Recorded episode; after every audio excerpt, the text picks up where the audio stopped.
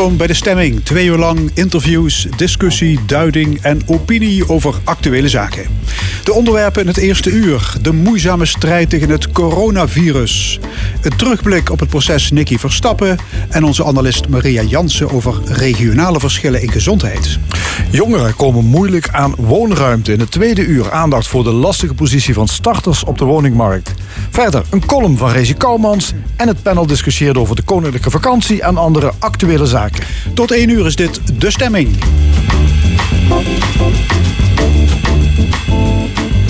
Het kabinet komt deze week met strengere maatregelen om de verspreiding van het coronavirus de kop in te drukken. Want het aantal besmettingen neemt verontrustende vormen aan.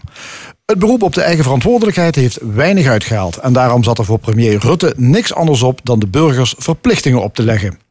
We gaan erover praten met Christian Hoebe. Hij is lid van het OMT, hoogleraar infectieziektebestrijding en hoofd van de GGD Zuid-Limburg. En met Jochen Kals, hoogleraar huisartsgeneeskunde en zelf ook huisarts. Heren, goedemorgen. Goedemorgen. Goedemorgen. Uh, Christian Hoebe, die tweede golf waar we nu in zitten, komt die vroeger dan normaal? Nou, normaal is er niet Of echt, maar in ieder geval, eh, ik denk wel dat het waar is dat we hem vroeger zien en vooral sneller eh, grote vormen aannemen dan we hadden gedacht. Ik denk dat we gedacht hadden dat eh, mensen toch langer, langer zich aan de maatregelen zouden houden dan dat in de, ja, eigenlijk gebleken is in de afgelopen maanden. Is dat de reden waarom hij zo vroeg komt? Mensen hebben zich onvoldoende aan de maatregelen gehouden.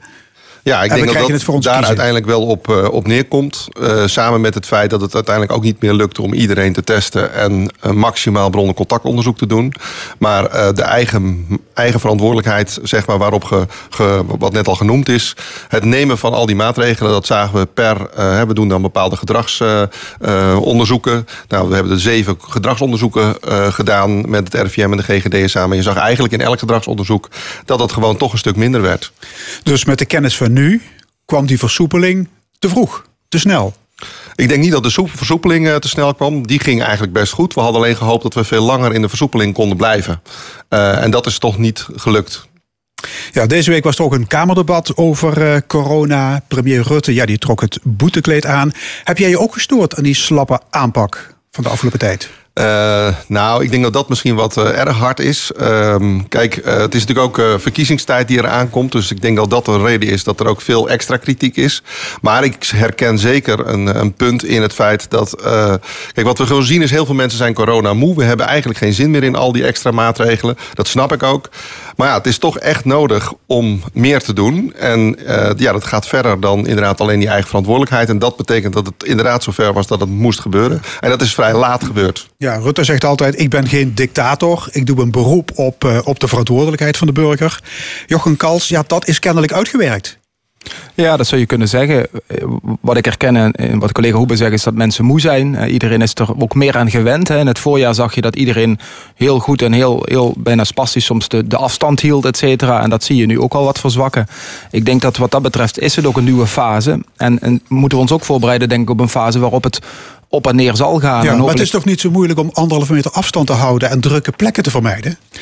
Blijkbaar wel. Ja, in de praktijk bleek dat een van de moeilijkste regels. Hè. Of, we- er zijn er een stuk of tien. eh, en die werd, het, eh, werd ook als het moeilijkst, eh, als moeilijkste maatregel eh, gezien. Of Vonden zijn we mensen zo dat niet, individualistisch? Of zijn we te egoïstisch? Eh, ik, ik denk dat, eh, dat er een verslag. Kijk, het is een marathon. En eh, er zijn maar een paar mensen die, die goed met, met marathons om kunnen gaan. We zijn allemaal op een gegeven moment het ook een beetje moe. Ehm, dan is het zo dat er enorm veel discussie is geweest, natuurlijk, over die maatregelen. De discussies hebben tot verwarring geleid. En dat maakt ook niet helder en helpend. Ja, dat is mijn volgende vraag. Worden de regels eh, onvoldoende opgevolgd, mede omdat de overheid er een potje van heeft gemaakt? Je moet lang wachten op een test. Eh, het bronnen- en contactonderzoek is mislukt. De regels zijn tegenstrijdig. De corona-app is pas net ingevoerd. Gehandels over het mondkapje. Nee, ik denk dat, dat, dat Nederland wel een land is vol, eh, vol experts. Eh, of het nou over voetbal gaat of over corona, ik denk dat dat wel klopt.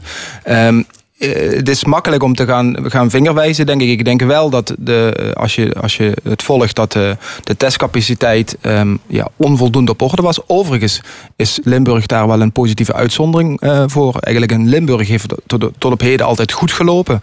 Ben ik niet verantwoordelijk voor, maar onder andere mijn collega ja, aan de, overkant wel. in Limburg hebben het goed gedaan. Ja, dat is eigenlijk dat beste jongetje van de klas. En daar kunnen de Limburgers van profiteren. Het is nu ook zo dat eigenlijk de uitgangssituatie van Limburg is nu heel anders dan in het voorjaar. Hè. Daar waren we toen absoluut koplopers met Brabant. Uh, zijn ook de meeste slachtoffers gevallen. Nu lijken we eigenlijk het lichtste gebied. Ja, gelukkig zou ik bijna zeggen. Uh, mogelijk kan het ook zijn dat toch mensen in deze regio iets meer uh, in aanraking zijn geweest met corona, ook in het voorjaar. Ook door misschien overlijdens in de omgeving, waardoor ze zich er iets beter aan houden. Uh, dus ik denk dat zou een rol kunnen spelen, want eigenlijk zie je bijna een omgekeerde kaart. Hè. De Randstad, waar, waar in het voorjaar bijna niks was, ja, die hebben het nu toch wel zwaar te verduren. En dat zijn natuurlijk ook wel plekken waarbij er heel veel drukke ruimtes zijn. Dus wat dat betreft is het denk ik, die anderhalve meter is één, maar drukke ruimtes vermijden, dat is twee. Want we weten eigenlijk onvoldoende uh, over de, zeg maar, de patiënten, die, of de patiënten moet ik niet zeggen, de burgers, die juist heel veel mensen besmetten, de superspreaders om het zo te zeggen. En daarom wordt de nadruk ook zo erop gelegd dat je die drukke ruimtes moet vermijden. En dat is natuurlijk toch lastig. En het blijft natuurlijk een spook hè, voor iedereen. Want je ziet het niet, je voelt het niet en je vergeet het ook wel eens. En dat is natuurlijk menselijk. Ja. Ja, in het hele land geldt eh, niveau 4, risico zeer ernstig. Maar in Limburg valt het dus relatief mee. Ja, dus hoe, hoe, is, hoe, is, die situatie precies? In, ja, in Zuid-Limburg zitten we helemaal aan de onderkant van Nederland. Uh, we zitten met een beetje een tweedeling. Limburg-Noord is iets hoger. Hè. Die zit een beetje in de middenmoot van Nederland. We hebben nu zo rond de 100 gevallen per dag uh, in Zuid-Limburg. En tussen de 150 en 200 gevallen in Limburg-Noord. Uh, desalniettemin zitten we dan nog steeds aan de gunstige kant. we zitten niet in het zeer ernstige gebied... waar de Randstad natuurlijk door geveld wordt. En wat je ziet is dat ook vooral grote steden het moeten Omdat daar ook precies wat de collega gezegd uh, veel drukke plekken zijn. Um, ja, en daar is het makkelijker om zich heen uh, aan het grijpen. He, Amsterdam is daar de koploper met uh, op dit moment bijna 700 gevallen per dag. Dus dat scheelt nog eens een heleboel. Ja. Hoe gezellig was het eigenlijk binnen het Outbreak Management Team de afgelopen tijd? er moeten pittige discussies gevoerd, denk ik, hè? Ja, zeker. Nou, er wordt inderdaad flink gediscussieerd. Er zijn natuurlijk allerhande argumenten en dingen zijn gewoon niet zwart-wit. Dat geldt ook voor de maatregelen die er uiteindelijk geadviseerd worden. Uh, kijk, alles is erop gericht uiteindelijk om te zorgen dat we het virus indammen. En dat je dus zorgt dat de maatregelen ervoor toe leiden dat men de mensen minder sociale contacten hebben en meer die afstand houden. Nou, en in eerste instantie is dat dan misschien meer gegaan vanuit uh, dingen die weinig economische impact hadden en vooral veel uh, zeg maar op de eigen verantwoordelijkheid heeft gedrukt. Nu zijn de maatregelen strenger, maar er blijven altijd discussies. En, ja, jij zag deze week een kop in de krant. Jaap van Dissel wordt niet meer geloofd. Nou, is dat, dat erg of is dat uh, niet erg? Nou ja, dat is natuurlijk wel jammer, want het is uiteindelijk ondermijnend uh, voor datgene wat we doen. Kijk, het doel is allemaal uh, hetzelfde. En zelfs denk ik voor iedereen die de discussies aangaat over de maatregelen. Het doel is uiteindelijk om het virus uiteindelijk in, in, de, uh, in, zeg maar in te dammen. Dat natuurlijk de ene maatregel voor zijn tegens heeft en de andere maatregel ook voor zijn tegens heeft, dat is gewoon het feit. Uiteindelijk zal de regering moeten beslissen welke maatregelen we gaan doen. Ja, er is inmiddels een red team opgericht hè, dat jullie kritisch moet volgen. Ben je daar blij mee? Nou, ik heb alle respect voor de mensen die in het redteam zitten. Een aantal collega's, ik ken ze ook persoonlijk. Uh, ik vind maar ze altijd... te veel verwarring, wordt gezegd. Ja, dat vind ik wel. Kijk, ik denk zelf dat de discussies die er maar blijven over allerhande maatregelen... leiden er ook toe dat er mensen minder de maatregelen volgen. En dat is uiteindelijk voor ons allemaal samen slecht. Ik kan me uh, herinneren, in april zei u hier... ik ben er trots op dat we in Nederland uh, beleid volgen... dat op wetenschappelijke inzichten stoelt. Ja. Is dat veranderd nu? Uh, nee, dat is niet veranderd. Maar het is wel zo dat uh, waar in, het, in de eerste golf eigenlijk op een gegeven moment dit gewoon gevolgd werd, er nu heel veel discussie is. En die discussies, ja, die leiden er natuurlijk toch toe dat het verwarring geeft en dat mensen niet altijd meer weten waar ze. Uh, maar dat Red Team zitten ook wetenschappers, toch? Zeker, ja. ja. Nou, ze, ze, hebben ook wat dat betreft helemaal geen. Uh, de, de discussies die ze voeren zijn gewoon goede discussies. Alleen door het in alle openheid voortdurend overal maar te discussiëren, betekent wel dat, die, dat het veel stof doet opwaaien. Ja. ja, en dat heb je als het gaat om een effect op het indammen, uh, soms liever niet. En ik denk dat, uh, wat, wat ik daar graag aan wil toevoegen, want ik volg dat met heel veel interesse. Ik ken allerlei mensen die of in het Red Team zitten of in het OMT zitten. Wat ik wel vind, is wat men zich mag realiseren, is dat het OMT maakt de beslissingen niet. Het OMT adviseert, probeert dat zo goed mogelijk te doen op, op basis van de wetenschappelijke inzichten die er zijn. De politiek maakt de beslissingen. En dat wordt wel eens toch door elkaar gehaald. Ook als ik hoor hoe Jaap van Dissel of wie dan ook wordt afgerekend. Uh, het OMT adviseert de regering en de regering maakt de beslissingen. Dus als er al discussie moet zijn over welke beslissingen er genomen worden, dan is dat eigenlijk een politieke discussie. Meestal worden die beslissingen wel overgenomen. En eh, heel soms niet. Ja, maar ik vind kijk ook wel naar de mondkapjes, kijk naar het onderwijs. Ja, maar er, zijn inderdaad, er wordt wel vaak ook genoemd van wij, wij baseren ons op het OMT. Maar uiteindelijk neemt de regering de beslissing. Er moet iemand de baas zijn. En ik vind het goed dat ze nu wel werken met zo'n soort roadmap. Dat mensen kunnen zien welk dreigingsniveau er is. Want dat biedt in ieder geval iets van perspectief. En dat is wat ik denk ik, wat mensen wat gemist hebben. Van wat is nu het perspectief waar we naartoe gaan. Daar kom ik nog op. Ja. Uh, je bent huisarts en zit dat Geleen. Uh, in maart, april kon er bijna niemand op het spreekuur. Hoe is het nu? Ja, nu is dat, nou ik zou bijna zeggen normaal, maar wel normaal post-corona. Dat betekent ik denk dat elke huisartspraktijk in Nederland zijn, zijn werkwijze heeft aangepast. We hebben spreekuurblokken verschoven, waardoor je dus niet met 30 man in de wachtkamer zit op maandagochtend. Dus je ziet dat we dat wat verspreiden. We doen nog iets meer telefonisch. We proberen wat met beeldbellen te doen. Mensen kunnen een foto van een huidafwijking sturen. Dus ik denk dat fysiek genomen komen er minder mensen het gebouw in. En we proberen dat duidelijk te spreiden. Maar het is wel weer eh, een, een normale drukte, zou ik bijna zeggen. En ik wil ook benadrukken dat huisartspraktijken zijn gewoon open. Het is wel verstandig om altijd van tevoren te bellen, want we willen natuurlijk wel weten of je geen klachten hebt. Want we willen niemand in het gebouw hebben die snottert, snift of koorts heeft. Dus ik denk dat wat dat betreft is een volledig andere situatie dan toen wij elkaar volgens mij in april spraken. Toen het eventjes echt bijna volledig stil viel. Ja. Wat je wel ziet is dat huisartsen veel en veel minder patiënten doorverwijzen naar het ziekenhuis. Waarom is dat? Ja, ik denk dat dat tweeërlei is. Um, dan vergelijk ik niet met het voorjaar. Maar nu denk ik dat ook patiënten nu weer denken van nou, laat ik maar eventjes wegblijven uit de zorg of uit het ziekenhuis. Omdat het weer heerst hè, meer. Uh, anderzijds zijn er ook patiënten en dokters die denken nou als deze willekeurige ingreep voor je spadaderen, dat hoeft niet per se nu. En dat klopt natuurlijk ook. Hè. Men sprak in het voorjaar over de enorme stuw meer aan, aan uh, zorg die was uitgesteld.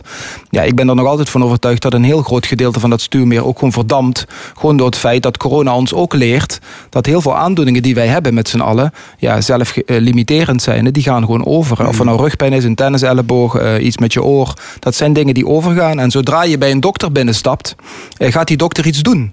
Dus als je drie keer bij een dokter binnenstapt, is er ook een kans dat hij je gaat verwijzen naar een specialist. En dat gebeurt nu denk ik toch iets minder.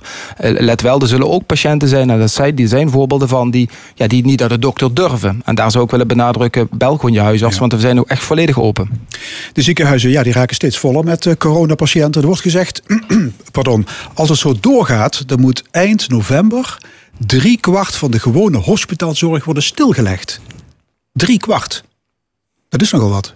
Ja, dat is heel veel. En, en ik, ik, wat mensen zich wellicht soms niet beseffen. En nogmaals, ik werk niet in het ziekenhuis, maar ik weet een beetje hoe het daar gaat.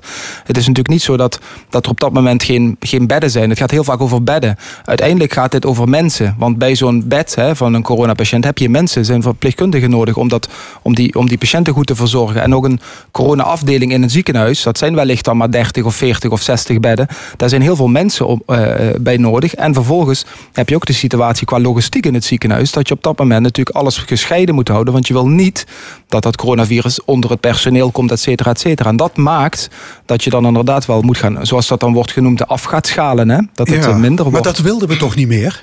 Nee, dat klopt, ja. ja. Maar er is wel een beperking in de hoeveelheid personeel wat je natuurlijk in een ziekenhuis hebt. Dus als het als je handjes hebt aan het bed voor corona, ja, dan kunnen diezelfde handjes natuurlijk niet. En ja, dus de ziekenhuizen kunnen er niet aan en daarom moet de hele nou, samenleving in lockdown.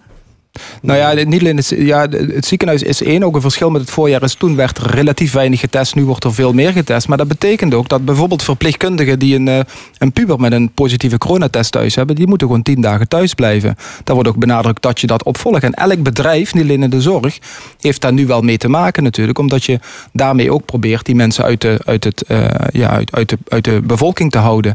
Dus het is zeker zo dat um, uh, dat doemscenario van het ziekenhuiszorg die vastloopt. Maar dat is natuurlijk wel reëel. Want de, de eerste berichten nu van de spoedeisende hulp in Randstad, die gewoon dicht zijn gegaan, waar de ambulances konden doorrijden, die zijn al een feit. Gewoon omdat de bedden daar vol lagen. Omdat in het ziekenhuis men nog ook niet klaar was om die, die corona-afdeling bedden klaar te hebben. Dus wat dat betreft, ja, we kunnen daarover debatteren, denk ik. Maar uiteindelijk wil iedereen dat als hij echt ziek wordt, en dat is maar 2% van de bevolking natuurlijk, die echt ziek kan worden, dat hij wel een ambulance heeft die met het ziekenhuis in kan rijden. En niet dat het ziekenhuis dicht is. Ja, kan het niet anders brengen. Christian Hoeber, wanneer zien we de eerste resultaten van deze gedeeltelijke lockdown? Ja, ik ben bang dat we. Dat, dat, kijk, dit soort. Uh, golven zijn als een soort klok. Dus we hebben er een tijd over gedaan om uiteindelijk op de piek te komen. Nou, we zitten nog niet op de piek, want we gaan elke dag nog omhoog. Maar uiteindelijk hebben we dus ook zoveel tijd weer nodig om uh, eruit te komen. Nou, er is gezegd vier weken. Ik denk dat, het, dat dat echt veel te kort is dat we hierin zullen zitten. Ik denk toch dat het eerder richting december gaat. Uh, dat we uiteindelijk weer op een laag niveau zijn. En we moeten echt de maatregelen vasthouden totdat we weer op een laag niveau zijn. Om uiteindelijk het ook weer uh, te kunnen loslaten. Ja, maar de klacht die je vaak hoort is... we weten niet wat het perspectief is. He, wat, hm. wat moeten die maatregelen ons brengen? Terug naar risiconiveau 3 of naar 1? Nee, Waakzaam, weet jij het? Nou, in principe gewoon zo laag mogelijk. We moeten willen, willen terug. Eigenlijk, kijk, we weten gewoon dat we helaas met dit virus in een situatie zitten dat we het niet helemaal kunnen uitroeien. Al zouden we het willen. Dat lukt misschien alleen op een eiland zoals Nieuw-Zeeland. Maar zelfs die hebben er grootste moeite mee om dat voor elkaar te krijgen. Want zodra ze de grenzen openzetten, komt het virus weer binnen.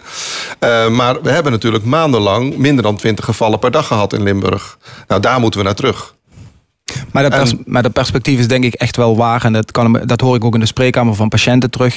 Men wil heel graag een soort, soort, soort ja, vooruitzicht hebben van wat, wat is het doel, als het ware. En ik denk dat daar zeker in de communicatie nog wel wat te verbeteren valt. En ik ben blij dus dat ook die roadmap gemaakt is met dat stappenplan. Waardoor je wat meer mensen voor kunt houden waar je naartoe moet. En wat dat ook betekent. En dat geldt ook voor de mensen die heel hard worden getroffen op allerlei gebieden, horeca, et cetera. Die, die soms ook in de spreekkamer zitten vanwege allerlei problemen. Ik denk inderdaad dat die ook willen weten van ja, waar doen we dit voor en waar willen we naartoe? Maar ondanks dat blijft natuurlijk dat het voor een deel onvoorspelbaar is. En dat maakt het lastig. Maar zoals in sommige landen die kleurencodes als het ware ik kan mij daar iets heel goed bij voorstellen. Omdat je mensen veel eenvoudiger, duidelijker maakt van waar zit je nu. Ja, want en communicatie, zeg je, is enorm belangrijk. Ja, en dat je niet op de volgende persconferentie hoeft te wachten eigenlijk. Omdat je eigenlijk al dan kunt voorspellen wat de maatregelen of de versoepeling gaat zijn. Ik denk dat dat heel veel mensen kan helpen. En ook weer een beetje gevoel van controle geeft. Want controle, daar weten we alles van. Uh, uiteindelijk is het gevoel van controle is voor heel veel mensen heel belangrijk. En dat zijn we met z'n allen deels een beetje kwijt. dus de tv-preekjes van de premier die zijn niet voldoende om uh, draagvlak te kweken. Nee, ik denk dat de communicatie is heel erg belangrijk. En we moeten ook steeds dingen blijven uitleggen. waarom is het in het ene geval wel zo? Waarom blijven de scholen open? Waarom moeten we mondkapjes doen? Alles dat soort dingen is belangrijk. Perspectief wordt wel natuurlijk eventueel het vaccin. Uh, hopelijk dat we een vaccin hebben in de eerste kwartaal van 2021. Is er ook kans op een derde golf? Komen we ooit uh, van dit virus af? Nou, dat is de, ik denk niet dat we ooit van het virus afkomen. Wel op zo'n manier dat we niet meer in dit soort uh, uh, zeg maar hamerdans uh, zitten. Zeg maar maatregelen aan de ene kant en dan weer versoepelingen aan de andere kant. Kijk, het vaccin moet uiteindelijk, als we dat krijgen en het gaat goed, moet dat ervoor zorgen dat er een hoop mensen immuun worden. en dan zouden we echt weer terug naar normaal kunnen. Maar goed, dat, ook dat kent vele onzekerheden en we moeten hopen dat het ook allemaal ja, want COVID-20, COVID-21, het kan allemaal hè? Dat kan. En uh, wat, wat betreft het vaccin, want dat wordt bijna als een soort einddoel gepresenteerd soms. Dan is het allemaal over. Ik zit ook een commissie van de VWS en we hebben ook geadviseerd om, om daar nu al over te gaan communiceren met de bevolking. Omdat ook een vaccinatie, we weten dat van de laatste jaren in het algemeen. Uh, je, je wil ook goede informatie hebben voor de, voor de mensen. Zodat ze zich laten vaccineren. Of in ieder geval zodat ze wel bewust een keuze daarin kunnen maken. Dus ook dat is niet denk ik het einddoel van als het vaccin is, is het allemaal voorbij. Want dan zal het nog wel eventjes doorzeumeren, uh, denk ik, het virus. Wat ja, dat het vaccin zal ook niet meteen voor iedereen beschikbaar zijn. Dus dat soort dingen, dat gaat ja. uh, wel bepalen. Tot slot nog een kritiekeur. Nou goed, het gaat wel over uh, dit weer en de tijd van het jaar dat we natuurlijk te maken hebben met niet alleen corona, maar ook met veel andere virussen. Uh, ook die mondkapjes helpen uiteindelijk ook tegen het optreden van die andere virussen. En een van die virussen is natuurlijk die, die luchtweginfecties, is bijvoorbeeld de griep. Nou, bij de huisarts en op andere plekken krijgen mensen uitnodiging. Dus ik zou vooral mensen oproepen, zeker dit jaar die vaccinatie nemen. Oké, hartelijk dank. Christian Hoebe, lid van het OMT en hoofd van de GGD Zuid-Limburg. En Jochen Kals, uh, hoogleraar huisartsgeneeskunde en huisarts. Hartelijk dank. Hartelijk dank. We gaan even terug naar de hoogtijdagen van de band Creedence Clearwater Revival. Die liggen al bijna een halve eeuw achter ons, maar de muziek die blijkt een blijvertje. Dit is uit 1970, Long As I Can See The Light.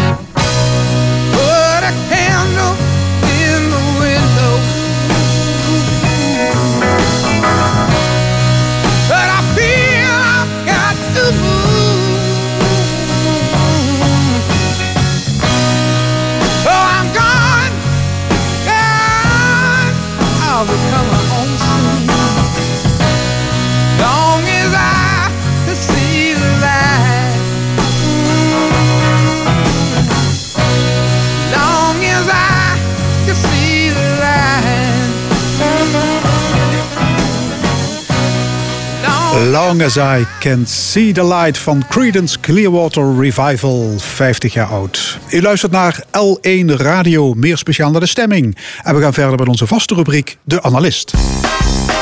De Analist. Vandaag onze analist gezondheid, Maria Jansen. Goedemorgen Maria. Goedemorgen. Het is jouw eerste bijdrage hier als analist in de stemming, dus van harte welkom. Dankjewel. Eh, je werkt als hoogleraar gezondheidsbeleid bij de Universiteit in Maastricht.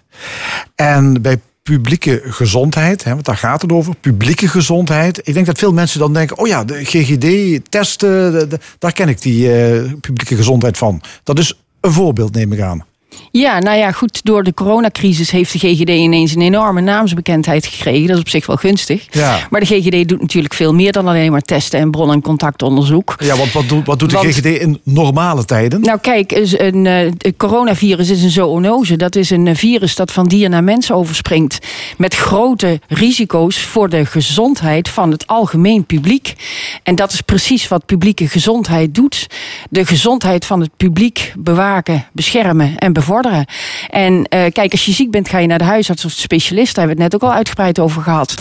Maar ehm, voor publieke gezondheid moet de overheid gewoon zorgen, moet er maatregelen genomen worden, dat het publiek gewoon gezond blijft. Dus je hoeft er niet om te vragen, het wordt gewoon aangeboden. Ja, dus de als- overheid moet dat doen. Ja, als het goed is natuurlijk. Als het goed Ja, is, hè? Ja, ja, ja, precies. In de ideale wereld. Ja, in de ideale waar, waar valt eigenlijk de grootste winst te behalen bij publieke gezondheidszorg? Nou goed, in het verleden hebben we natuurlijk gezien dat de riolering in de vorige eeuw, het schoon drinkwater, de afvaldiensten, dat heeft een enorme reductie gegeven in infectieziekten.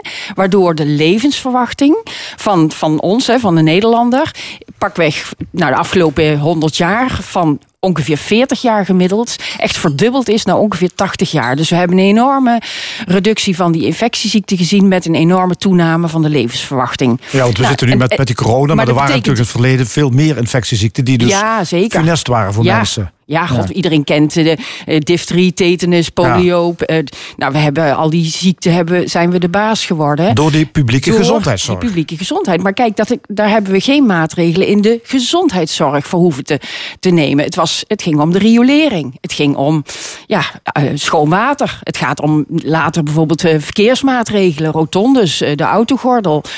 Daar hebben we enorm veel ziekte mee weten terug te dringen. Dus de, de, de winst haal je eigenlijk buiten de gezondheidssector. Ja, en dat zijn forse winsten als ik het zo En beluister. dat zijn forse winsten. Ja. Ja. dat zijn hele grote winsten. Het is dus ook een politieke zaak. Hè? Want je zegt het is van de overheid, maar ja, het is dus politiek. Het zijn ook keuzes die je maakt.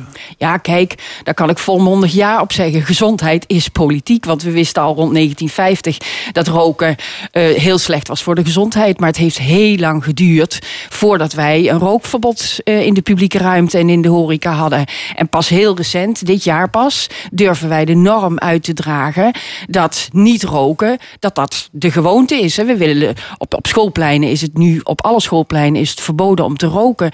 Gewoon de jeugd lerend dat we naar een rookvrije generatie willen. Maar kijk, van, van suiker weten we ook onomstotelijk bewezen dat het heel slecht is voor onze gezondheid. Maar we nemen nog geen eh, maatregelen in, in termen van de suikertax. Kijk, en, en bij beleid moet je altijd een beetje de afweging maken. Wat zijn de economische effecten? Wat zijn de ethische, eh, wat is de ethische impact? En wat is de gezondheidsimpact? En dat, ja, dat, die afweging, die, die maakt men, dat maakt de overheid ook. En vaak een beetje incrementeel. Hè. Dan wordt er een beetje toegewerkt om het, het volk rijp te maken, noem ik het maar eventjes. Dat ze eraan gewend raken, dat ze niet meer mogen roken bijvoorbeeld. Om te voorkomen dat je mensen het idee geeft dat hun, ja, hun, hun eigen keuzevrijheid wordt ontnomen. En de, die afweging moet je dus altijd maken. Maar goed, ja. ja, d- er zijn wel voorbeelden waarvan je denkt van nou, hier wegen economische belangen in plaats van eh, gezondheidsbelangen. Kijk, Ja, we hebben daarom zijn die sigaretten nog steeds te koop überhaupt. Want we weten dus gewoon dat het heel slecht is. Ja. Ja, je kan het kopen. Dus, Ja. nou ja, kijk, recentelijk heeft UNICEF een onderzoek gedaan naar de kindproducten in de supermarkten. En van 75% van die producten, die voldoen niet aan de schijf van 5. Ja, dan denk ik, dan heeft de voedingsmiddelenindustrie wel een opdracht eh, te Ja, dat, gaan. dat zijn al die felkleurige snoepjes die overal Ja, liggen. in, in 75% van de pr- producten zit dus te veel suiker, te veel zout, te veel vet. Voldoen allemaal niet aan de schijf van 5. Dan wordt het voor ouders wel heel lastig om een gezonde keuze te maken. Dus kijk, dat zijn ook economische belangen. Hè. Het zijn natuurlijk de, de goedkope en verleidelijke producten. Maar ja, staan niet ten dienste van onze gezondheid. Nee, maken wij het nog mee dat suiker misschien de teer en nicotine van de toekomst gaat worden? Ja, dat gaan wij nog wel meemaken. Ja, dat denk ik wel. Duurt nog wel eventjes, maar dat gaat in de toekomst wel een keer gebeuren. Ja. Ja, daar is steeds meer. Kijk, Mexico bijvoorbeeld heeft recentelijk, las ik in de krant, die hebben een, no- een nog groter probleem met obesitas. Die gaan dit soort maatregelen ook serieus overwegen. Ja, en dan is het, zijn het ook vaak de, de mensen met lagere inkomens die ongezonder leven. Dat, dat is vaak, Ja, blijkt kijk. uit alle, allerlei eh, onderzoeken. Dus Ja, die, die mensen- kopen dan meer van die snoep of zo? Of, eh?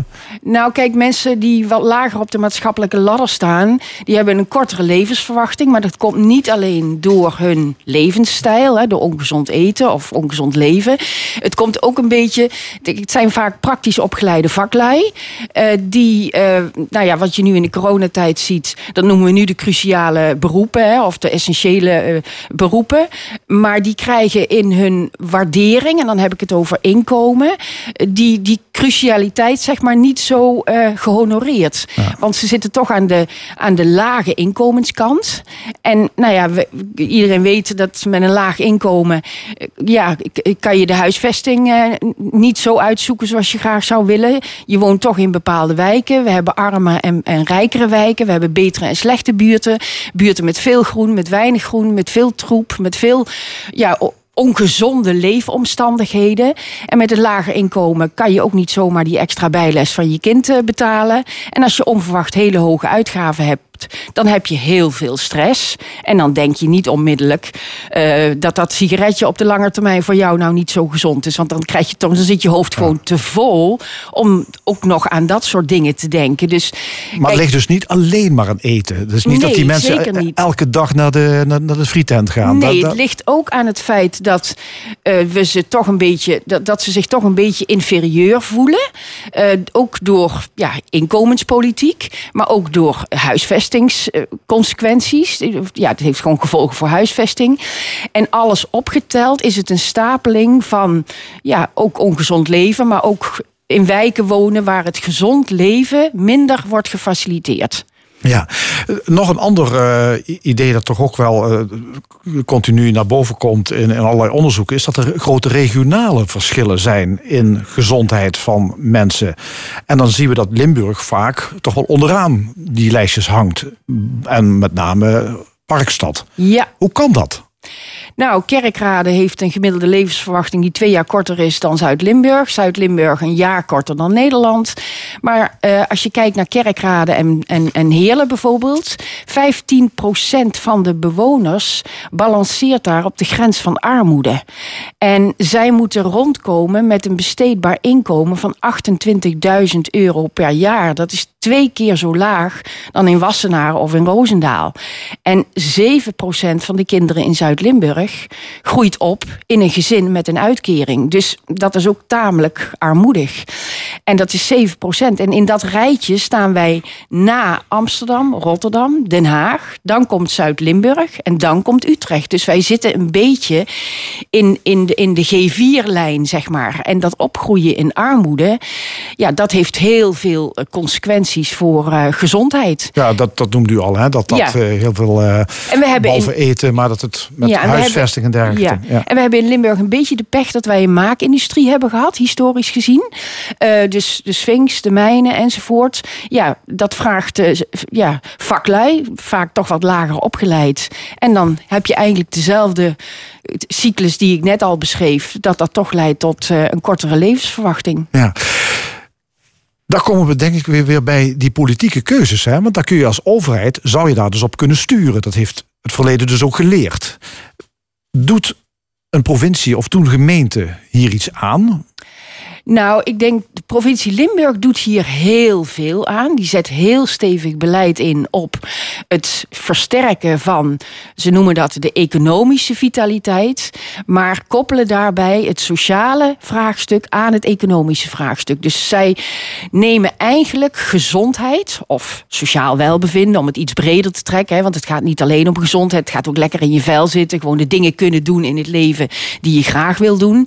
Maar de provincie heeft een sociale agenda Limburg, waarin ze ja, economie en vitaliteit aan elkaar verbinden. En Ja, zijn, zijn er wat voorbeelden van dat soort projecten waar je dus de gezondheid bevordert? Ja, nou, kansrijke start is bijvoorbeeld zo'n eh, project wat we vanuit eh, de GGD met een heleboel andere partijen, Ja, de verloskundigen, dat? de kraamzorg. Daar gaan we met ehm, ja, jongvolwassenen, met zwangere vrouwen, eigenlijk vanaf de conceptie, vanaf, de, ja, vanaf het moment dat ze zwanger worden, gaan we vooral met de kwetsbare groepen ondersteuning geven op het vlak van huisvesting, financiën, opvoedingsvaardigheden, opleiding. Gewoon om aan de toekomst van die volgende generatie te werken. Ja. En dat is een ja, groot project. We hebben ook de gezonde basisschool van de toekomst. Is al heel veel in het nieuws geweest. Waar Zijn- de kinderen tussen de middag gezond eten krijgen. Ja, ja, gezondheidsvaardigheden aangeleerd krijgen. Maar ook sociale vaardigheden zijn minstens zo belangrijk om ja, gezond in het leven te kunnen staan. Ja, eh, boek, boek, eh, boek, boekt Limburg daarmee succes? Eh, Worden mensen gezonder? Nou, kijk, kijk, bij dit soort gezondheidsachterstanden die wij hier in Limburg zien, wordt het, ja, is het gewoon een lange termijn politiek. Hè? Het is echt een lange termijn om ja, de volgende generatie gezond op te zien groeien. Maar daarom beginnen we ook bij de jeugd. Dat is ook heel bewust. De jeugd heeft de meeste gezondheidswinst te behalen. En ja, ik denk dat we over een jaar of tien langzaamaan de, de, de effecten zullen kunnen gaan waarnemen. Ja, Ja. het is een kwestie van lange adem. dat is een kwestie van lange adem. Ja, Dankjewel, Maria Jansen. graag gedaan. Zo dadelijk in de stemming het proces Nicky Verstappen. Hoe kijken advocaat Paul Agda en L1-verslaggever Arthur Hubers terug op de zeven zittingsdagen? Maar eerst muziek van Noordkaap, een heel klein beetje oorlog. Zou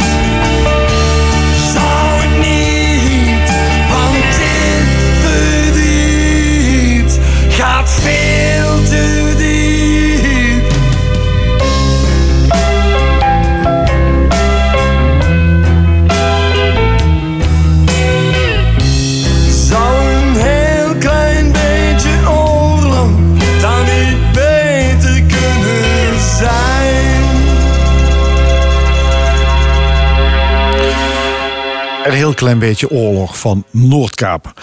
Vrijdag was de laatste dag van het proces tegen Jos Brecht. De man die wordt verdacht van het ontvoeren, seksueel misbruiken en doden van de 11-jarige Nicky Verstappen. In de stemming kijken we terug op de zeven zittingsdagen. Over de videoverklaring, het requisitoor, het pleidooi, de enorme media-aandacht en andere zaken. En dat doen we met advocaat Paul Agda en L1-verslaggever Arthur Hubers. Heren, welkom.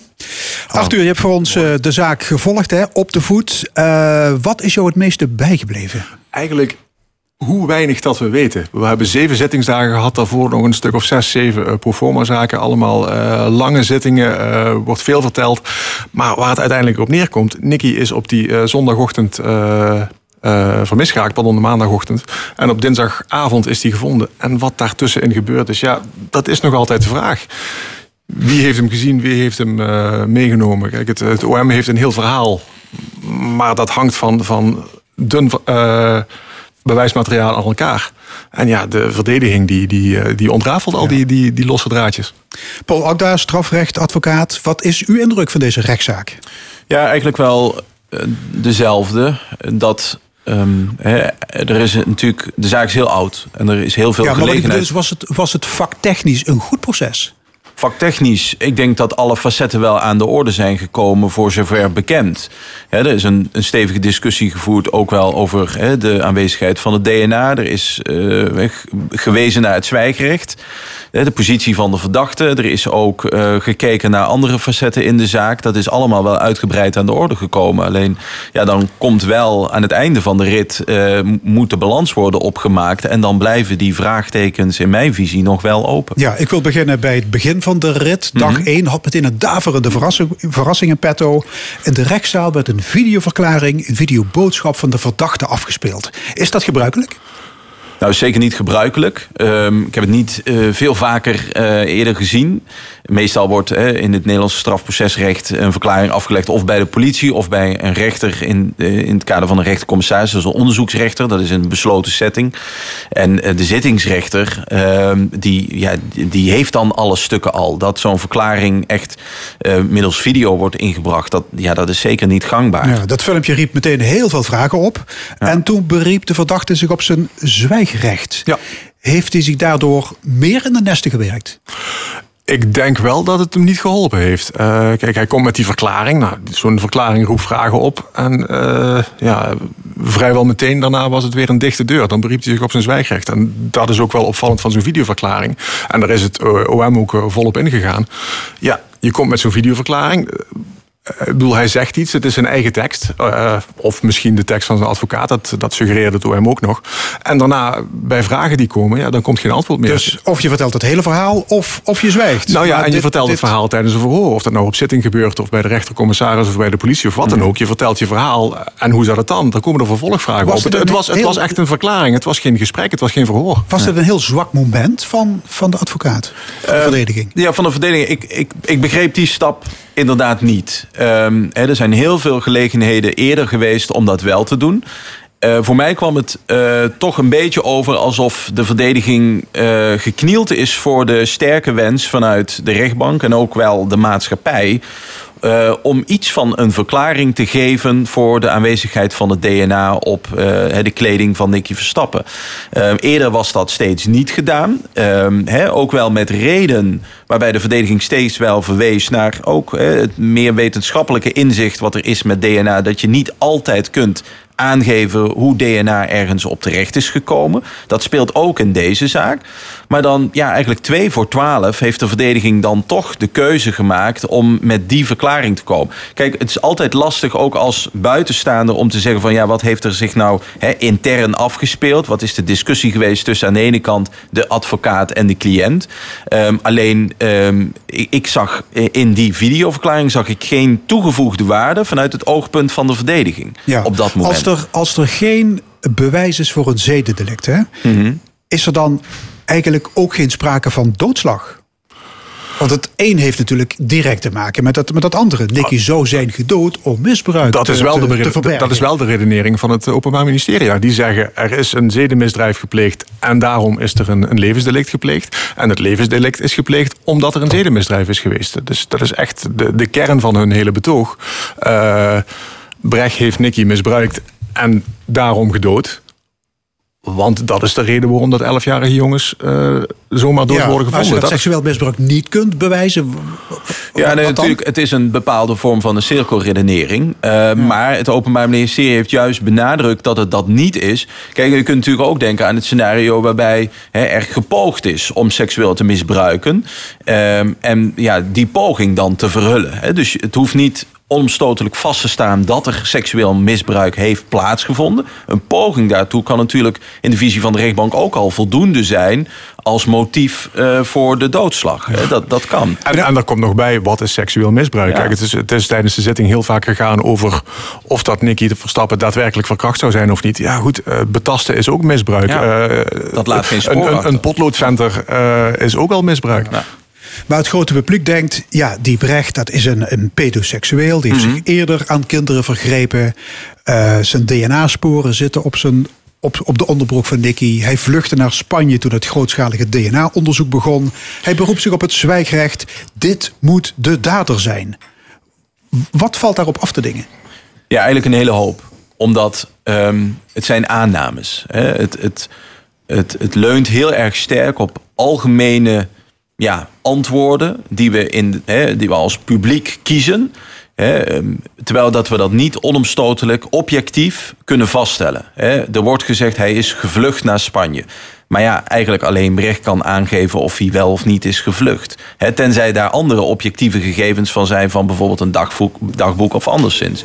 Kijk, het bestaan van DNA is ook zo'n voorbeeld. Ehm, dat er DNA eh, op die kleding van Nicky Verstappen is aangetroffen... dat, dat is een, ja, een, een wijzing in de richting van die verdachte.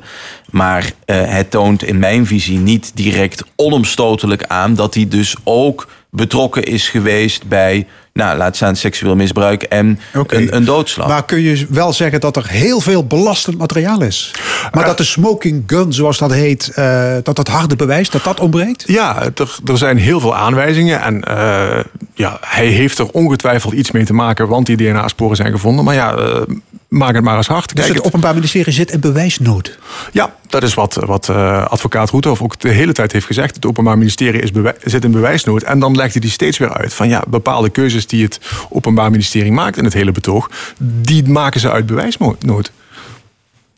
Eh, meneer Akda, u bent gespecialiseerd in rechterlijke dwalingen. Hè? Die zijn Ja. heel vaak het gevolg van tunnelvisie. Ja. Eh, zou daar in dit proces ook sprake van kunnen zijn? Van Ja, je ziet, je ziet inderdaad een, een heel duidelijk voorbeeld wel van een bepaalde tunnel. Die ook de rechtbank wel op enig moment had. En dat betrof de hele sterke wens van de rechtbank. ehm, om om eh, Jos B. te laten verklaren over de aanwezigheid van dat DNA. Hè, er was letterlijk gezegd van u heeft de sleutel van uw celdeur eh, in handen. Het hangt van uw verklaring af. Ehm, en dat is, ehm, als je alle facetten van eh, de, de wetenschappelijke literatuur en studies eh, naar DNA gaat bekijken, dan zijn er legio voorbeelden te geven waarin DNA is aangetroffen zonder dat er enige relatie is tussen eh, de, de donor van dat DNA en bijvoorbeeld een kledingstuk of een voorwerp. Dat, dat, er is geen enkele relatie achteraf te geven. En die rechtbank die is daarop gewezen. Ehm, en toch nemen ze zo expliciet eh, die zin in de mond om Brecht te laten verklaren. Terwijl dat je ook weet van eh, er zitten, zitten echt andere facetten gaan daar achter schuil. En dan zie ik daar wel dat de rechtbank heel erg eh, in een tunnel zit ten aanzien van de bewijswaarde van die DNA-sporen. Dat de rechtbank eigenlijk daarmee kennis geeft van er is voor ons geen andere verklaring mogelijk dan dat jij daar eh, aanwezig bent geweest of ook echt seksuele handelingen hebt verricht. Arthur? Ja, dat, zo vond ik dat ook wel. Ja. Die druk die, eh, die eh, echt naar Brecht persoonlijk werd gericht van op, op de rechtbank, dat, dat kreeg je wel echt mee. Eén één rechter was eh, helemaal fel tijdens het, eh, het verhoor van Brecht. Die, die bleef daar echt maar op hameren. En wat dat betreft is wel interessant, dat eh, de advocaat eigenlijk achterloos de, de hele zitting door. Eh, hij komt steeds maar met alternatieve scenario's. Van ja, maar misschien is eh, eh, Brecht er wel geweest, maar is hij een necrofiel en heeft hij eh, daarom aan de onderbroek van Nicky gezeten. Hij komt eh, weer met de scenario's van eh, de inmiddels overleden kampleider, die ook een zedenverleden had. Misschien was hij het wel. Je hoort steeds. ehm, schiet Hoethoff zeg maar, van opzij in, in dat eh, scenario van het Openbaar Ministerie. Wat echt inderdaad heel rechtlijnig is opgebouwd. Ja, ja, het Openbaar Ministerie geeft ook toe, we kunnen niet het hele verhaal vertellen. Maar, zeggen ze erbij, dat hoeft ook niet per se bij een strafzaak. Wij brengen de feiten en omstandigheden naar voren. Ja. ja, je ziet het in, in veel andere strafzaken. Kijk, natuurlijk is in de zaak van. hè, ehm, ehm Nicky Verstappen het, het afgelopen week heel erg gegaan over deze bewijsmiddelen die door het Openbaar Ministerie zijn aangedragen. Alleen als ik in de praktijk kijk, dan zie ik ook veroordelingen plaatsvinden. eh, ook in het verleden, waarbij ik vaststel van ja, daar, daar was misschien nog minder aan bewijs. En die persoon eh, is wel veroordeeld geworden. Ehm, dus ja, het, het, het, het blijft natuurlijk wel een zaak ehm, hè, met bewijsnood. Alleen vanuit de praktijk zien we dat eh flarden van onzeker bewijs nog steeds tot een veroordeling kunnen Ja, leiden. maar rechters zijn steeds meer op hun hoede door die rechterlijke zeker. dwalingen. Ja, eh, vanuit het verleden, eh, je ziet een soort golfbeweging. Er is ehm, ehm, ook de Schiedammer Parkmoord is op een gegeven moment geweest. Dat heeft echt geleid tot een hele grote maatschappelijke reuring. Dat heeft ook geleid tot allerlei onderzoeken binnen het Openbaar Ministerie en de politie eh, in de vorm van vervolging en, en opsporing. Dat heeft echt een schokbeweging in gang gezet.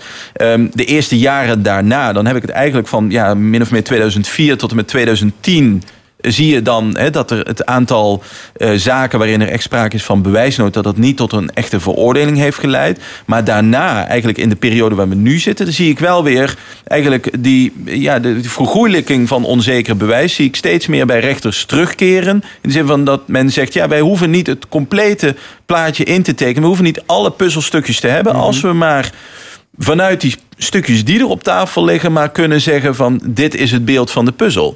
Eh, en dat zie je steeds meer gebeuren. Ja. Ehm, ja, je hoorde de verdachte heel vaak zeggen tijdens die zitting: ik beroep me op mijn zwijgrecht. Hè? Eh, Roethoff zegt daarover: dat is heel normaal. Het zwijgrecht is een van de verworvenheden van de moderne tijd. Eens?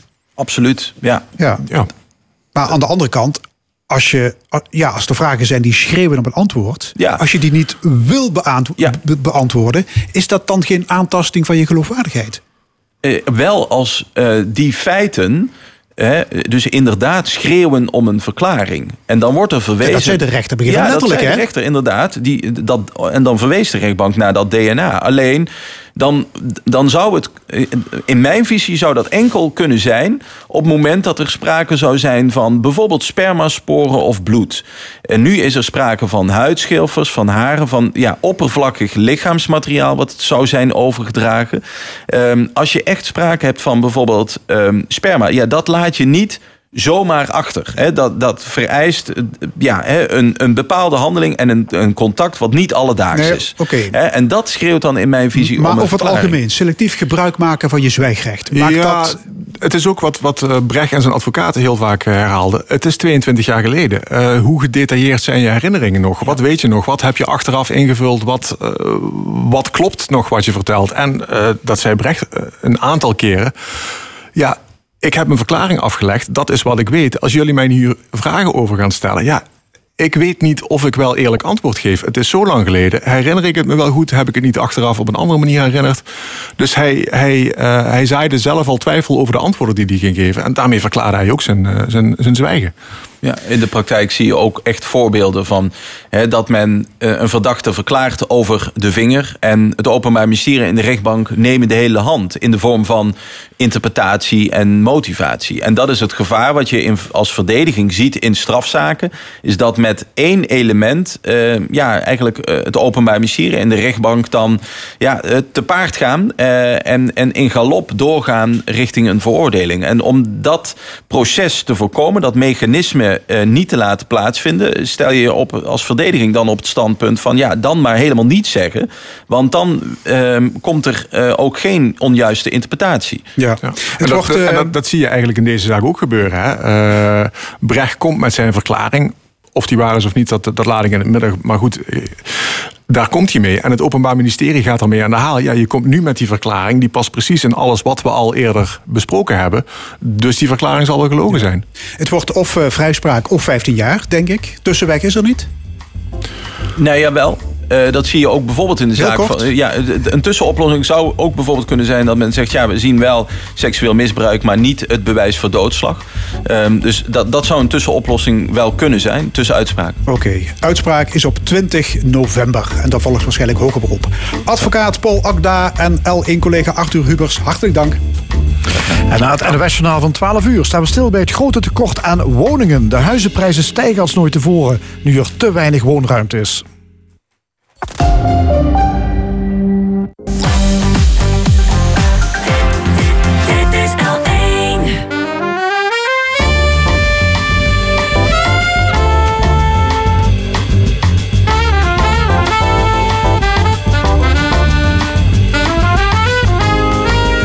De stemming met Frank Huber en Fons Geraerts. Opnieuw welkom bij de stemming en wat allemaal nog in de tweede en laatste uur. Straks discussieert het panel met Ingeborg Dijkstra, Mark Hermans en Wim Haan over coronamaatregelen, de ultrakorte vakantie van de koning, de toekomst van Netcar en andere actuele zaken. We hebben een column van Rezi Kouwmans, maar eerst de overspannen woningmarkt. De prijzen van huizen breken het ene record na het andere. Een gemiddelde koopwoning kost inmiddels 354.000 euro. En het woningtekort blijft maar oplopen. Door die schaarste en die hoge prijzen zijn vooral jongeren de klos. Hoe kan het dat de huizenprijzen de lucht inschieten? Moeten we meer gaan bouwen? En is daar wel ruimte voor? We gaan erover praten met studenten Amy Hoyer, met wethouder Michael Teuns van de gemeente Beek en met makelaar Etienne Erkens. Ja, welkom alle drie. Eh Etienne Erkens, u bent eh, voorzitter van de afdeling Limburg van de Nederlandse Vereniging van Makelaars. En zelf natuurlijk ook makelaar. Eh, landelijk betaal je 354.000 euro gemiddeld voor een woning. Hoe zit het in Limburg? In Limburg gemiddeld 282.000 op dit moment.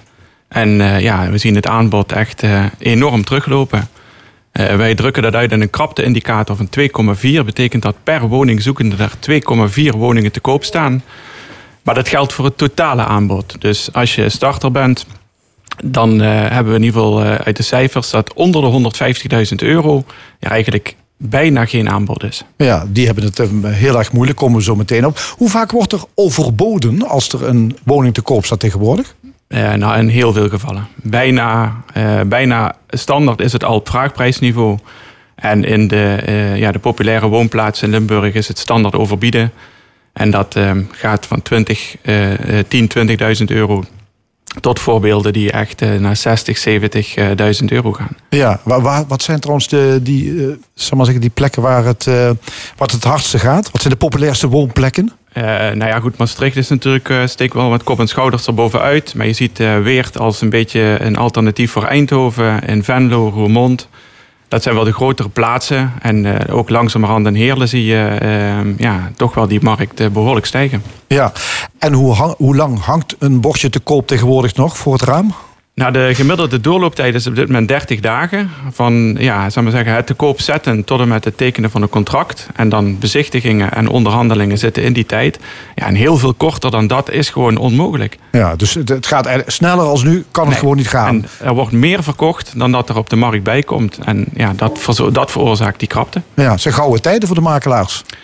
Eh, als je een goed kantoor hebt wel. Maar eh, ja, de koek eh, is, is groot. Maar het aantal kantoren dat er actief is, is ook eh, groot. Dus lang niet overal is het Hosanna. Ja. Amy Hoyer, je bent eh, student aan de Universiteit Maastricht. Ehm, heb jij een, eh, een woning naar wens? Woonruimte naar wens? Ja, ik heb een studentenkamer. Ja. Het is een prima kamer. Ja, maar eh, als je st- student af bent en je zou een woning moeten gaan zoeken, eh, hoe, hoe voorzie je dat? Hoe gaat dat? Eh, moeizaam. Ik denk dat er heel weinig eh, starterswoningen zijn, of dat nou huurwoningen zijn of eh, koopwoningen. En dat komt deels omdat je met een groot studieschuld van school afkomt. Dus kopen de eerste tien jaar na je studie is eigenlijk praktisch onmogelijk. Ehm, er zijn heel weinig sociale huurwoningen. En met een startsalaris, ook al doe je wetenschappelijk onderwijs, ehm, val je nog steeds wel in het gebied ehm, dat je sociale huurwoning in mag. Maar die zijn er heel weinig, ook in Limburg. En particulier wonen, eh, huren is vooral veel te duur vaak. Ja, dus, dus zal ik maar zeggen, in de sociale sector, daar, daar kom je op een, op een wachtlijst terecht. Hè, zou je Mhm. dat willen? En dan heb je het echt over een paar jaar of nog langer? Of, hoe- Ja, ik heb het even opgezocht. Eh, in Limburg is de gemiddelde insch- inschrijftijd 3,8 jaar en de gemiddelde zoektijd 1,2 jaar. En voor Utrecht bijvoorbeeld in de Randstad is de inschrijftijd 8,9 jaar en de zoekduur 4,6 jaar. ja.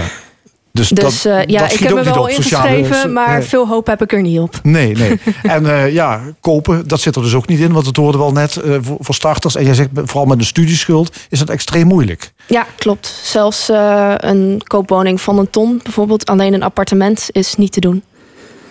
Want je kan een hypotheek krijgen van zo'n 40.000 euro en dat is het. Als je, voor- Als je voor een een studieschuld ton, hebt van ongeveer ja. 30.000 euro. Dan krijg je 40.000 hypotheek. Ja. Dus eh, dat gaat niet lukken. Nee, is dat herkenbaar, meneer Erkens? Ja, dat is zeker herkenbaar. Ehm, Ondanks dat die rente natuurlijk eh, ultra laag is en eh, eh, ja, het daardoor heel interessant is om eh, ja, te gaan kopen. En eh, ja, als je het kunt veroorloven, dan is kopen goedkoper dan huren. Ehm, en dat is ook een van de oorzaken dat het zo enorm krap wordt op die markt. Ja, want, wat is de, de reden dat die, die prijzen zo enorm sky high eh, gaan? Ehm, ja, mijn optiek drieledig. Je hebt natuurlijk eh, de young professional die huurt en die ziet dat die rente zo laag wordt dat daarmee het kopen goedkoper eh, per maand is dan huren. Je ziet de doorstromer die, eh, ja, laat zeggen midden jaren 2000, 2005, 2008 die periode gekocht heeft met een wat hogere rente dan nu. Die heeft een hele tijd zijn huis onder water gehad. Die prijzen stijgen nu. Als ze verkopen, kunnen ze boetevrij van de huidige hypotheek af. Ze kopen een nieuwe woning terug met een veel lagere maandlast. En de derde groep is de belegger, die op de bankrekening zijn geld eh, ja, ziet verdampen. En ja, in stenen nog, eh, nog een rendement kan behalen. En die groepen komen elkaar tegen op die markt. Ehm, en de, de doorstromer ziet dat de woning behoorlijk in waarde stijgt. Dus datgene wat bij de, de, de verkoper wordt overboden, neemt hij mee om te overbieden in het kooptraject waar hij zelf in zit. Ja, conclusie, er zijn gewoon te weinig woningen. Ja. Ja. Ook aan tafel hier Michael Teuns, wethouder in de gemeente Beek. Kan de overheid iets betekenen in deze, dus blijkbaar, in, in deze woningmarkt, waar dus blijkbaar gewoon ja, een eh, tekort aan aanbod is? Zeker. Ik ben trouwens eh, raadslid in de gemeente Beek. Sorry. Dus eh, niet te veel, Ja. niet te veel Ja. eer voor mij. Ja. Ehm, maar wat je ziet de afgelopen jaren is dat de overheid vooral eh, oplossingen heeft gezocht in eh, oplossingen die het probleem verergeren. We hebben de overdrachtsbelasting, die wordt nu afgeschaft. Eh, in het verleden is de grens van de nationale hypotheekgarantie die is omhoog gezet. En het gevolg is dat de portemonnee van kopers steeds groter wordt, terwijl het aanbod niet meegroeit. Dus een beperkte of een grote groep kopers die blijft vechten om hetzelfde aantal woningen, met als gevolg dat de prijzen steeds maar verder blijven stijgen. Dus er moeten gewoon woningen bij om het aanbod te vergroten. Ja, nou heeft u ehm, gemeente in Zuid-Limburg opgeroepen om een voorbeeld te volgen van de gemeente Beek. Eh, en dat heeft te maken met een eh, afspraak die er in Zuid-Limburg eh, jaren geleden gemaakt is. Dus een, een sloopregeling. Hè? Dat betekent dat je eigenlijk niet zomaar nieuwe huizen kan gaan bouwen, maar je moet slopen. Hoe zit dat? Het zit zo, in 2016 hebben de gemeenten in Zuid-Limburg, omdat eigenlijk voorzien werd dat de bevolking in Zuid-Limburg door vergrijzing steeds kleiner zou worden, dat er een overschot aan woningen zou zijn in de toekomst. Eh, tussen gemeenten is toen de afspraak gemaakt om eh, een compensatieregeling in te stellen. En dat houdt dus in dat als je een nieuwe woning wil bouwen in Zuid-Limburg, dat je dan of een bestaande woning moet slopen, of geld in een compensatiefonds moet steken, waardoor, je, eh, waardoor met dat geld dan weer woningen gesloopt kunnen worden. Echter zet je daarmee de markt voor nieuwbouw helemaal op slot. Eh, want wat je dus ziet is dat als jij nu een nieuwe woning wil bouwen, eh, dan moet je vaak 40, 50.000 euro compensatie bouwen. Ja, dat is voor een starter is dat niet te betalen. Dan moet je in een pot stoppen, zodat er ergens een woning gesloopt kan worden. Klopt. Ja. En het idee daarachter was niet meer woningen erbij. Dat er in de toekomst te veel woningen in Limburg zouden zijn. En misschien kwantitatief klopt dat, maar kwalitatief zien we dat eh, de vraag die er nu op dit moment is, namelijk een behoefte aan seniorenwoningen, aan starterswoningen. En dat die woningen gewoon niet in het aanbod zitten. Dus ja, er zijn genoeg huisnummers zeg maar, in Zuid-Limburg. Maar het verschil tussen ja, wat voor type huisnummer dat dan moet zijn en wat voor type woning, ja, dat is gewoon te groot. Ja, ik begrijp inmiddels dat er wel brede steun is hè, voor dit plan. Eh, De gemeente Beek heeft dus, eh zeggen, al een motie aangenomen om die sloopregeling om dat, eh, om dat van tafel te krijgen. Ook in andere gemeenten is dit geluid nu hoorbaar. Klopt inderdaad. Eh, er is eerst in juni is er een provinciale staten een motie ingediend door Ingrid Vonken van het CDA. Die heeft dat mogelijk gemaakt, want het was eerst een verplichting die de provincie oplegde aan gemeenten. En nu dat die van tafel is, hebben wij eerst in juli in Beek een, eh, een motie ingediend. En inmiddels is die motie ook aangenomen in Vaals, in IJs de Margraten, in Sittard-Geleen, in Simpelveld. Dus je ziet nu wel dat een aantal gemeenten het voorbeeld van Van Beek en van de provincie Limburg ook beginnen te volgen. Dus dat stemt mij wel hoopvol. Ja, Etienne Erkens, eh, makelaar. eh, zou het opheffen van die sloopregeling hier in Zuid-Limburg... zou dat iets kunnen veranderen aan ja, die overspannen woningmarkt? Dat is zeker mogelijk, maar dan zou je ook als overheid bepaalde restricties mee moeten geven aan hetgeen dat er gebouwd wordt. Dat je gaat bouwen voor de juiste doelgroep. En bijvoorbeeld als je zegt, ja, ik richt mij op starters, of dat nou huur of koop is, maar dan moet je daar wel een kader omheen zetten. Bijvoorbeeld een antispeculatiebidding, dat, eh, ja, dat er niet gekocht wordt om het daarna weer met winst door te verkopen. Maar ga dan ook kijken waar is behoefte aan en bouw dat. Ja, Emil Hoyer, waar eh, is behoefte aan onder jongeren, onder starters? Wat voor soort woning? Ik denk dat we vooral op zoek zijn naar eh, appartementen. Want veel mensen komen toch in een eentje van school af en die zoeken dan alleen een woning. Eh, of met z'n tweeën, maar dat, dat zijn echt starterswoningen. Dus het hoeft niet per se heel groot te zijn. We vragen niet om een huis met een tuin aan het water. We willen gewoon iets om in te wonen met ja, net een eigen keuken en een badkamer. En dan zijn we al blij. Ja, dat hoeven niet eh, die twee onderin kapwoningen te zijn waar Limburg natuurlijk vol mee staat. Of heel Nederland. Dat, Nee, dat, het dat kan ook gewoon een flatje zijn. Ja, Ehm, en, maar daar is dus eigenlijk een tekort aan, begrijp ik. Hè? Want dat, dat soort woningen, Ja, dat, dat kun je niet vinden. Nee, die zijn eh, niet vindbaar. Het komt omdat veel ehm, mensen die een woning zoeken, dat zijn toch alleenstaande, dus starters en vooral ook veel ouderen. Dus er zijn gewoon te weinig kleinere woningen in Nederland. Ja, en die, waar, moet die, waar zouden die vooral moeten liggen, dit soort woningen? Waar zoeken jongeren het? Waar werkgelegenheid is. Ja, en is dat, eh, moet dat wel ook in de stad zijn? Is dat wel een voorkeur? Ik denk dat de meeste mensen best wel bereid zijn om daar een half uur, drie kwartier voor te reizen. Ehm, dus het hoeft niet per se in de stad te liggen. Het zou fijn zijn, maar als er ergens anders ruimte is, dan zouden ze daar ook heen gaan. Ja, dan zou, je, zou jij ook als starter zou jij best in een, in een dorp ergens willen wonen. Ja hoor, Ja. zeker. Ja. Etienne Erkens, is dat ehm, het aanbod van dit soort woningen, wat dus door jongeren gevraagd wordt, dat, dat is er inderdaad niet? Eh, nee, het is er niet of het is beperkt. En als het er wel is, dan wordt het eh, ja, door de hoge prijzen eh, ja, weggekaapt door anderen. Eh, wat je ziet landelijk, ehm, dat ja, mensen die in de Randstad werken... op dit moment eh, ook al tot, eh, tot een uur of anderhalf van hun werk bereid zijn om te gaan wonen. Limburg is lang niet zo'n groot gebied. Dus als je daar, we hebben de infra denk ik redelijk op orde... Dus als je ook in de wat minder populaire plekken gaat bouwen... Dan, dan is dat zeker kansrijk. Ja. Ehm, de Zuid-Limburgse gemeenten die hebben dus al laten weten... we gaan eigenlijk van, van die sloopregeling... eh, dat, eh, dat willen we in elk geval eh, daar willen we vanaf. Dus daar kan er meer gebouwd gaan worden. Voor jongeren. Maar zijn er meer groepen die zal maar zeggen, in de knel zitten... die In zijn algemeenheid zie je dat het probleem op dit moment met name zit bij de jonge starters, maar zeker ook bij de senioren. Er is gewoon een tekort aan betaalbare seniorenwoningen. Als ik kijk in mijn eigen omgeving, ja, er worden nu wel appartementen eh, worden er wel gebouwd, maar die zijn vaak, vanaf een vraagprijs van 3, 4 ton. Ja, dat is niet voor iedere oudere eh, met een AOW'tje zomaar te betalen. Dus er is ook zeker een tekort aan eh, appartementen die betaalbaar zijn voor ouderen, waardoor die ouderen weer in hun te grote koopwoning eigenlijk blijven zitten, waardoor er geen jongeren daarin door kan stromen. Eh, dus voor jongeren en ouderen. En verder ook is in Limburg, eh, in Noord-Limburg, maar zeker ook in Zuid-Limburg, is woningen voor arbeidsmigranten wordt ook een steeds grotere, een grotere noodzaak. Omdat we steeds minder personeel hebben voor, eh, ja, voor bepaalde arbeid in onze provincie te berichten. En ook die mensen is een zwaar tekort aan woningen. Ja, is het mogelijk? Hebben we de plek om zeg maar, meer woningen te bouwen? Want eh, ja, er zijn zelfs, eh, nee, D66 gaat uit. Hij gaat ervan uit dat we in Nederland zelfs 1 miljoen woningen moeten bijbouwen. Dat zijn ongelooflijke aantallen. Is die plek er?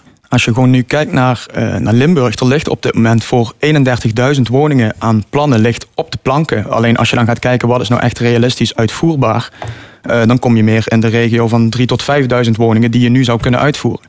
Wat is dan de reden dat al die woningen al die jaren op de planken zijn blijven liggen? En dat is omdat je vanwege die sloopregeling, als jij een nieuw plan wilde realiseren, moest je daar oudere, slechte plannen tegenover kunnen zetten die je weg kon strepen. Dus heel veel gemeenten, projectontwikkelaars, die hebben al die jaren speculatief plannen opgekocht. En die liggen dus nu op de plank eigenlijk te wachten. eh, totdat zij weg kunnen strepen, gestreept kunnen worden tegenover een ander plan. En daarom is het ook goed dat die sloopregeling dus van tafel gaat. Want dat zorgt ervoor dat dat speculatief gedrag met die plannen, dat dat stopt. Ja. Etienne Erkens, moeten dat nieuwbouwwoningen worden? Of kunnen we ook in bestaande wijken iets realiseren? Ja, nou goed, ik denk als je het voor de starter wil gaan doen, eh, de doorlooptijd van een gemiddeld nieuwbouwplan, eh, van, van tekentafel tot oplevering. eh, nou, ik heb zelf een ervaring dat ik nieuwbouw kocht en dat we daar eh, ruim 2,5 jaar hebben mogen wachten voordat de bouw ging starten. Dus je zou eh, ook eh, als ontwikkelaar kunnen gaan kijken naar, eh, naar bijvoorbeeld leegstaande kantoorpanden. Zou je die binnen een redelijke tijd kunnen transformeren tot een, ja, tot een startersappartement? Misschien wel op tijdelijke basis. Dat je zegt van nou, ik geef als gemeente daarvoor tien jaar de vergunning. En na tien jaar is een herijking van is er dan nog behoefte aan die woningen. En zo niet, dan kun je die ruimte weer een andere invulling geven. Maar er is snelheid geboden. En het is inderdaad landelijk al geroepen bouwen, bouwen, bouwen. Maar eh, transformatie, denk ik dat, eh, dat op korte ter- termijn ja, misschien eh, meer zoden aan de dijk zou kunnen zetten. Ja, een groot architectenbureau heeft deze zomer ook berekend dat de woningbehoefte in Nederland voor het overgrote deel opgevuld kan worden in bestaande wijken. hè. Ze zeggen door het splitsen en uitbouwen van bestaande woningen, dat zijn vaak die gezinswoningen, eh, daar kun je al heel veel mee realiseren. Daar kun je extra woningruimte mee realiseren. Is dat, ja, is dat, eh, ja, Amy, ik zie jou knikken. Is Ja, ik denk inderdaad eh, dat we moeten kijken naar wat er al staat. Inderdaad, die leegstaande kantoorpanden. Ehm, ik had het opgezocht. In Limburg staat 8% van de kantoorpanden leeg. Dus dat is echt heel erg veel. En inderdaad ook die eh, huizen die we al hebben en die leeg staan.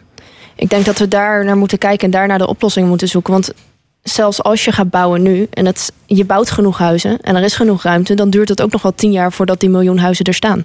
En ik zag op de site van de eh, NVA vooral, NVM vooral dat er eh, pas in 2040 die miljoen woningen zullen worden gerealiseerd.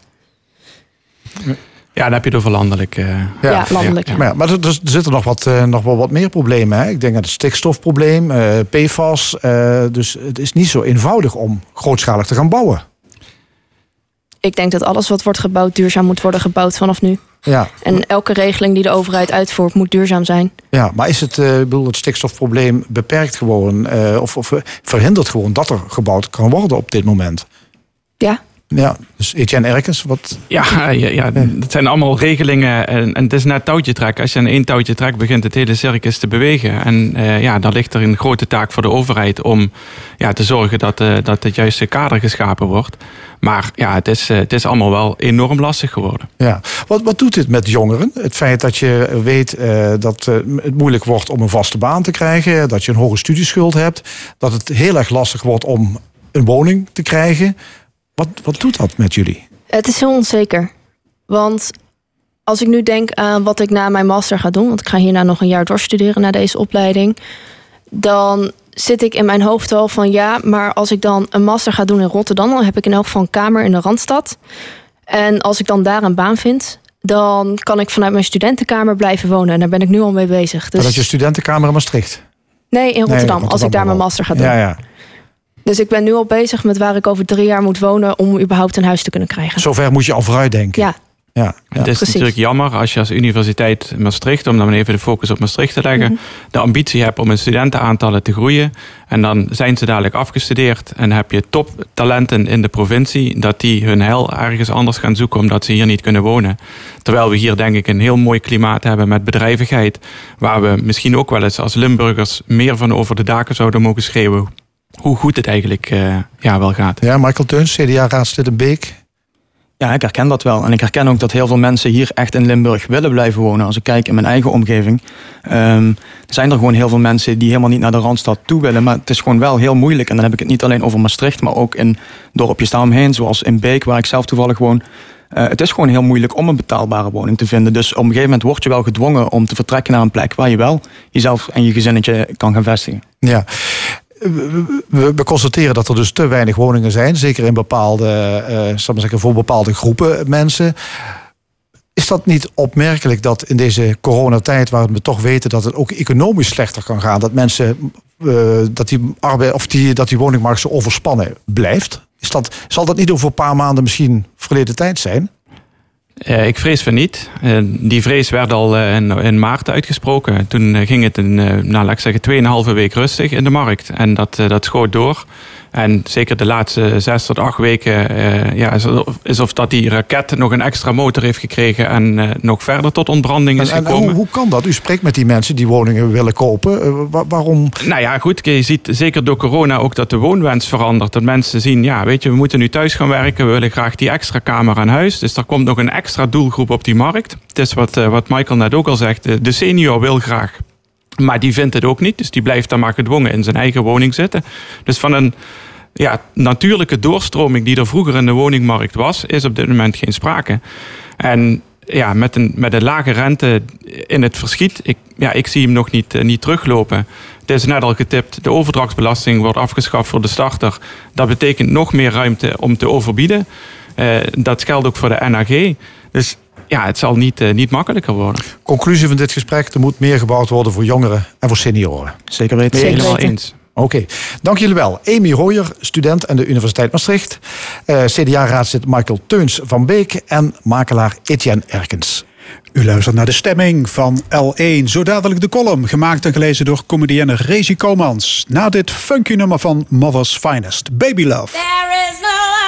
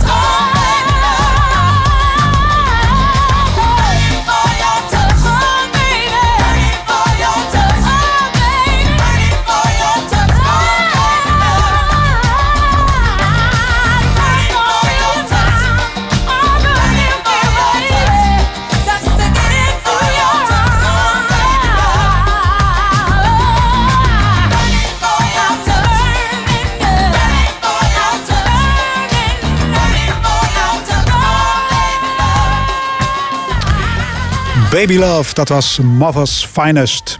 Zometeen zal het opiniepanel aanschuiven. Nee, ik zit verkeerd. Eh, ja, nee, ik zit wel goed. Eh, het opiniepanel zal aanschuiven om actuele zaken te bespreken. Maar eerst de column. De column. Vandaag met Rezi Koumans. Comedienne, zei ze, Funs, maar eh, er is weinig te lachen, hoor. Ik ben alleen maar kwaad. Echt. Een paar jaar geleden heb ik er nog eens een liedje over gemaakt. Maar nu ben ik kwaad en heb ik de mooi toe. Ben ik letterlijk en figuurlijk gemoelkorfd. Ik kan van onmacht en van gif gaar niks meer zeggen. En het, het liefst haai ook gewoon de komende drie minuten gepaste stilte gehaaien. Waren het niet dat, ik, dat dit dus op dit moment mijn enigste bron van inkomsten is. Nee, zoveel is het ook niet, dames en heren. Schrik niet. Het is net genoeg om een frietje te halen. Dat dan weer wel. Maar ik, ik ben dus verplicht om nog het te zeggen. Het klote aan deze tijd is echter dat alles wat ze zei verkeerd is. Het is of al doe ze een keer gezag. Of du stuurt altijd wel emens tegen de kop. Nu heb ik daar normaal gesproken geen meute met. Maar als het over leven en dood gaat, nou, dan wil ik eigenlijk toch wel mijn plaats kennen. Het ergste van alles vind ik nog dat Verhi dus allemaal de schuld kregen. De totale horeca kreeg de Zwarte Piet toegespeeld. Oeh, wacht, shit. Dat mocht ze zo niet zeggen. Wacht. Ehm, Loes. eh, de totale horeca heeft het weer gedaan. En moet minimaal twee, tussen de regels vier en zeer waarschijnlijk zes of meer weken toe.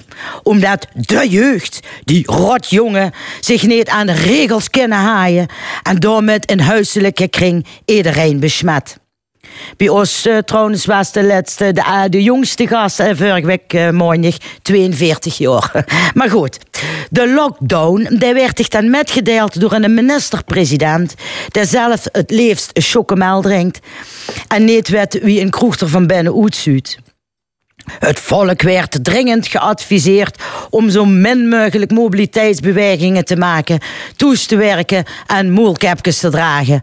Terwijl onze koning zich bedenkt dat er nog een paar snupperdagen overheid en dus best nog wel even met het regeringsvliegtuig naar Griekenland, want geel dus moog, kind gaan en zich vervolgens dan verbaasd omdraait en ze dat ze geraakt zien door het vuile commentaar van het volk.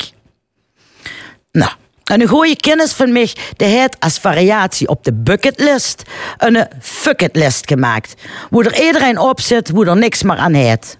Dat werkt, zet er, zeer louterend. Dus bij deze, fuck it, koninklijk hoes, met uw empathie van een fruitvlieg. Fuck it, Chocoprins Rutte, die in eerste instantie zelf schuld is dat er niet genoeg zorgpersoneel en materialen zijn. Fuck it, DJ, DJ, je broer. Wim bestek eigenlijk. Zeker niet mijn broer, want hij is het gewoon toes. Fuck it, tegen met die lockdownfeestje in Den Haag. Fuck it, Trump, Superman, man van 6 miljoen met die wonderbaarlijke genezing. En vervolgens zichzelf de beroemdste man op Jezus Christus na uitroepen. Fuck it, corona. Doe best er nu eenmaal, maar dat zijn weer allemaal zeker niet schuld. Bah, ik ben kwaad. Maar ik schik me in mijn lot. En ik zeg niks. Dit is De column van Rezi Kouwmans. Het discussiepanel van deze week zit hier aan tafel en dat zijn Ingeborg Dijkstra, opvoed- en onderwijskundig begeleidster, Wim Haan, consultant en Mark Hermans, ondernemer en drummer. Ook nog, ja. Ja, koning Willem-Alexander vloog vrijdag met zijn gezin naar Griekenland voor een vakantie. Eh, ja, daar ontstond zoveel opschudding over dat de koninklijke familie na de landing weer rechtsomkeer maakte. Wat vinden jullie van de gang van zaken? Ja, wat, wat vinden Mark? Hermans? Ja, nou weet je, ik, ik ben echt wel een fan van het Koningshuis geweest. Want ik heb eh, op mijn slaapkamer heb ik de, de, de, de foto's van Emma hangen, van eh, Wilhelmina, eh, Juliana, Beatrix. En ik, ja, Willem-Alexander heb ik echt van het haakje afgehaald deze week. Want ik vind het echt, eh, ja, ik denk dat het gewoon een nekslag gaat worden voor, de, voor de, zeg maar, de brede basis van het Koninklijk in Nederland. Iedereen ziet hier nu eens hoe ver je eigenlijk als Koninklijk Huis afstaat van de samenleving. En als je dat besef niet hebt, dat je die herfstvakantie die de kinderen graag zouden willen, en die nieuwe speedboot en de nieuwe aanlegstijger in Griekenland, dat je die wil bekijken en zo, dat je dat besef niet hebt, eh, dat gaat er bij mij echt niet in. Ingeborg Dijkstra. Ja, ik denk dat het echt een eh, inschattingsfout is gemaakt. Natuurlijk is hij net als ieder ander eh, vrij om te gaan waar hij eh, staat en wil gaan met zijn gezin.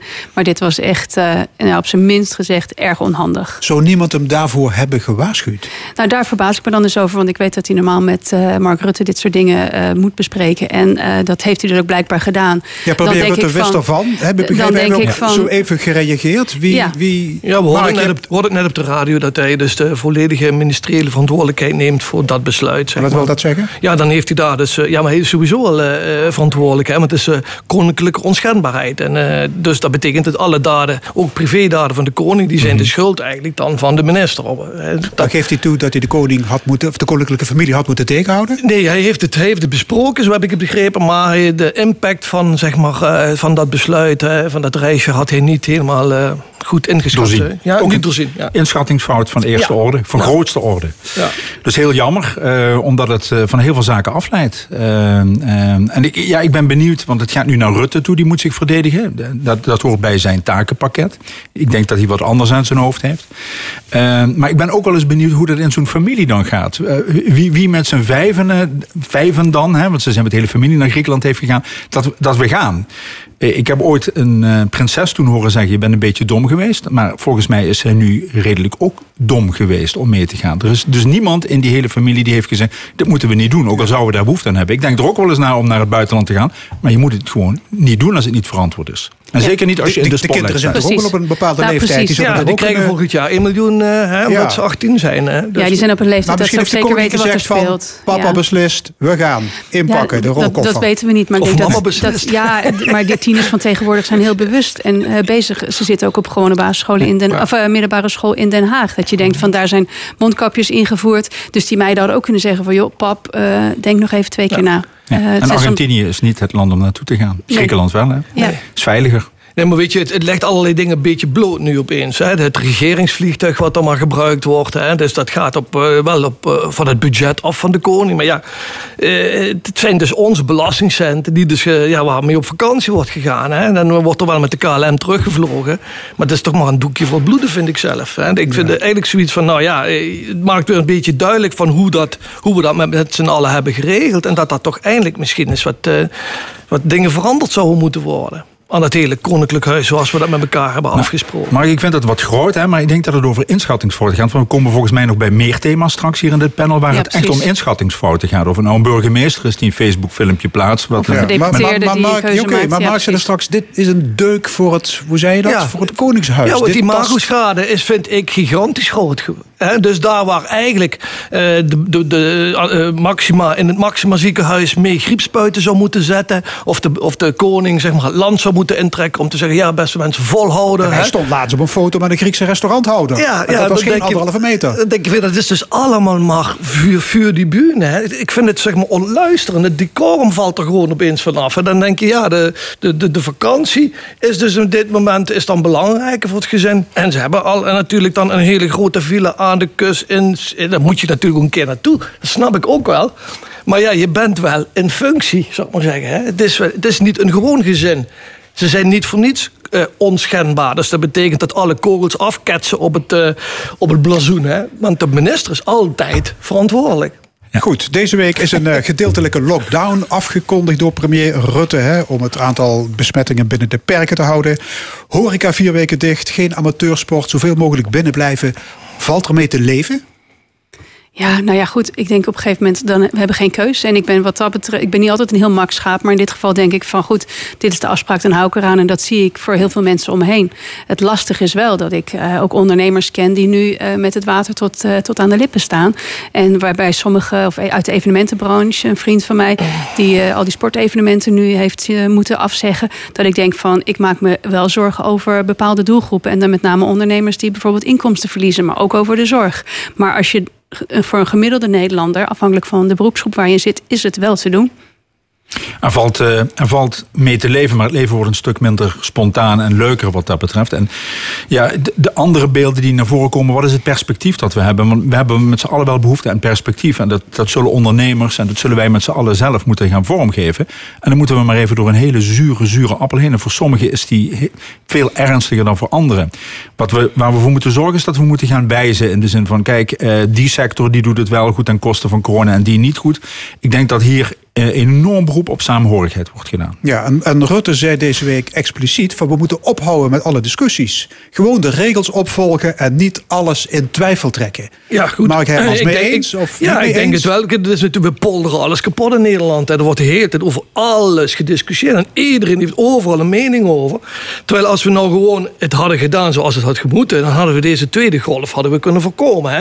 Maar we hebben natuurlijk gedacht, ah, alle ellende is voorbij. We hebben vakantie. Ja, luister, we moeten wel vakantie kunnen vieren. Hè? Snap je? En toen zijn de teugels weer losgelaten. Ja, en eh, heeft het, eh, is het paard gestruikeld over de eerste beste bok die, die, die eh, in de weg lag. Nou, ik vind discussies niet zo erg. Ik, vind dat, dat, ik, ik heb enorme bewondering voor Rutte als hij enorm veel vragen krijgt waar hij zeer rustig blijft. Want als je goede maatregelen, doordachte maatregelen neemt, dan moet je die blijven uitleggen, ook met scherpe vragen. Waar ik veel meer moeite mee heb, is het feit dat er zo gauw een regel komt en meteen door iedereen gekeken wordt waar zit de uitzondering voor mij in. Dus als er een regeling komt van wacht eens even, ik mag wel in een hotel gaan eten. Nou, hoe kan ik in een hotel dan komen? Of ik kan dit doen, hoe kan ik dat dan doen? Of als België dan niet, eh, niet op on lockdown is, hoe kan ik zo snel mogelijk naar België gaan? We zitten als eerste reactie zitten we te kijken waar kunnen we iets anders doen dan in plaats van hoe gaan we dat nou op een goede manier regelen? bij Ja, ik herken dat wel een beetje. Maar als je, dat ligt een beetje op belastingstelsel. Hè? Het is eigenlijk ten gunste van ons allemaal dat er zoveel mogelijk belasting is. Maar we zijn alleen maar bezig om te kijken hoe wil ik zo weinig mogelijk belasting Ja, kan even naar. Brian Palmer, de burgemeester van Horst aan de Maas. Die stelt in een videofilmpje op Facebook eh, vraagtekens bij die nieuwe maatregelen. Is dat nou nodig? Is dat verstandig? Mag een burgemeester kritiek hebben op het eh, coronabeleid? Ja, ik vind dat hij op zich dat mag. Ik, vond het, ik heb het filmpje natuurlijk ook gezien. Dat ik denk, maar eh, wat blijft liggen? En dat eh, schreef dan, geloof ik, Frans uh, Pollux in een column. Dat hij zei van, hij zegt dan ergens halverwege. En de fundamentele vraag wordt niet gesteld. Maar hij zegt dan zelf niet wat hij dan belangrijk vindt. Dus ik vond het een beetje roepen. Eh, twijfel mag. Ik denk dat hij voor een eh, groot deel van de bevolking hardop verwoord heeft. Wat mensen denken van, moet dat nou? En eh, ik twijfel over de werking van mondkapjes en dat soort dingen. Maar ik vond het eh, een beetje zwak dat, eh, dat het zomaar roepen was. En weinig, eh, ja, voor de rest weinig wol. Communicatietechnisch was dat een hele slechte boodschap. Ja.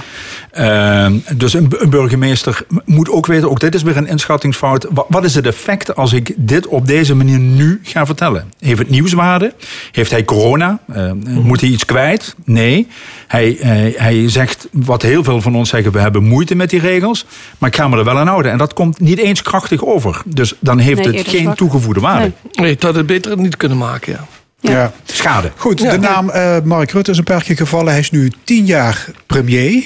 Eh, en wat zien we? Sinds de coronacrisis is zijn betrouwbaarheid flink gestegen. Van 15% naar 17%. Heeft hij dat verdiend? Wat denken jullie? Nou ja, als, het volk, als dat uit de peilingen komt, dan zal dat wel door eh, in ieder geval 20% extra zo gevoeld worden. Ik moet zeggen, wat, eh, wat jij ook net zei, van ik vind dat hij heel rustig en duidelijk dingen aan kan eh, geven. En in die zin heeft hij zich wel op grote momenten als een goed leider getoond. Dus ik kan me voorstellen dat hij gestegen is, ja.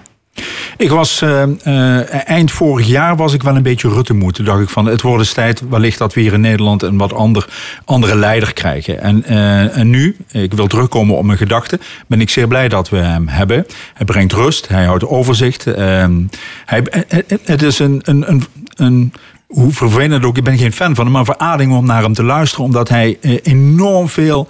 ehm, eh, sympathie opbrengt voor een zeer onsympathieke periode. Ik, ik vind het erg krachtig wat hij doet.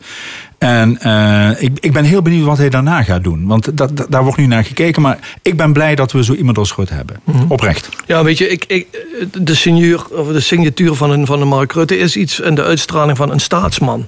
En niet meer zozeer van een partijpoliticus. En dat als je dat niveau kan hebben, dat heb ik bijvoorbeeld ook bij Frans Timmermans eigenlijk het gevoel. Zie ik niet echt direct een, een P van de A, maar dan zie ik iemand met een wat bredere visie voor de samenleving en die het goede voor ons bedoelt. En dat heeft eh, Rutte eigenlijk ook wel eh, enorm sterk. En dat is wel iets wat je, ja waar je in, kan groeien als rol. En dat is bij hem wel echt gebeurd. Behalve als je de dividendbelasting wil afschaffen, dan Ja, zie tuurlijk, je maar wel dan- weer de VVD hoor. Ja, maar dan is het weer dus de pol- polit- politicus waar je dan tegenaan loopt. Maar als je eh, de uitstraling van die man is, dat heeft toch iets, ja, iets robuusts. En dan denk je, ja, die geef je je beurses eh, eh, eh, af. Ja. En bij, bij veel politici is dat niet het geval. Nee. Ja. Ander onderwerp. BMW stopt in 2023 met de autoproductie bij Netcar. De fabriek moet dus op zoek naar een nieuwe opdrachtgever. Ondanks die onzekere toekomst houdt de provincie vast aan de uitbreiding van het wegennet en de fabriek in Born. Is het verstandig om publiek geld te gaan investeren in die infrastructuur rondom de fabriek in deze omstandigheden? Wim Haan. Eh, uitermate lastig. Eh, maar ik denk en ik vind eh, dat wij. eh, dat er altijd verantwoording zeker moet blijven plaatsvinden over dat soort investeringen. Maar het eh, niet investeren is ook een signaal wat wellicht averechts kan werken. Ik zou het volgende, eh, ter voorbereiding heb ik gedacht van ja, hoe moet dat nou wel? Een investering die niet doorgaat. We hebben drie jaar de tijd. Ik vind het een uitermate mooie tijd om je nadrukkelijk te gaan oriënteren. En werk twee plannen uit. Eén plan is dat je alles in het werk stelt om die fabriek met al die mensen die er subliem werken en een voorbeeld zijn in de automo- automobielindustrie, om die in elk geval te laten excelleren in de toekomst, hoe onzeker die ook is. Maar kijk ook even als het daadwerkelijk niet lukt, wat je dan als provincie en als regio nadrukkelijk moet doen. Dus zet niet alles op alles. Geef enorm veel verantwoording over waarom je een aantal investeringen doet. Dat, dat, dat zou een goed signaal eh, van zijn. Maar niet klakkeloos. Maar ook een plan B. Worst Ja, case scenario. provinciebestuur wil eraan vasthouden aan die investering. Eh, in de Staten eh, is, twijfelt men. Eh, hè, daar wordt gezegd, Netcar moet maar eens eerst meer duidelijkheid geven over ehm, het toekomstperspectief. Ingeborg. Nou ja, dat is een beetje wat, eh, wat jij net ook zei. Van, er moet natuurlijk wel goed gekeken worden. En ik was ook blij om te lezen dat er inderdaad niet voor het eind van dit jaar bijvoorbeeld al een beslissing genomen moet worden. Ik denk dat, je, dat er tijd nodig is om te kijken welke meerdere kleinere partners eh, daar hun eh, auto's kunnen laten gaan maken. Is er een toekomst voor elektrische auto's daar? Geen idee. Maar ik denk dus dat die tijdwinst echt daarom zit. En ook dat je gaat kijken van dit is zo'n groot project dat oké, als de provincie zo veel gaat investeren, misschien eh, kan onze minister van Economische Zaken ook eens even eh, meedenken. Dus ik ben heel blij met die, ehm, die tijd. En ik zou zeggen, maak op zijn minst een eh, plan B en misschien zelfs een plan C. Dat je gewoon eens kijkt welke scenario's en wat gaat het de provincie kosten.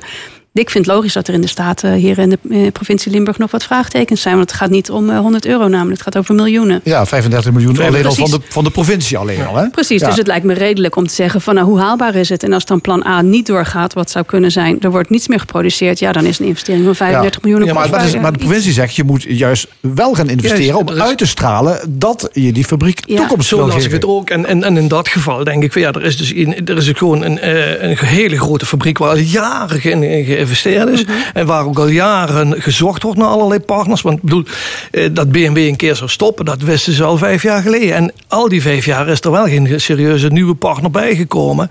En eh, moet je dan 35 miljoen overheidsgeld weer gaan investeren voor een ja, fictieve spookpartner die er wellicht, wellicht niet gaat komen.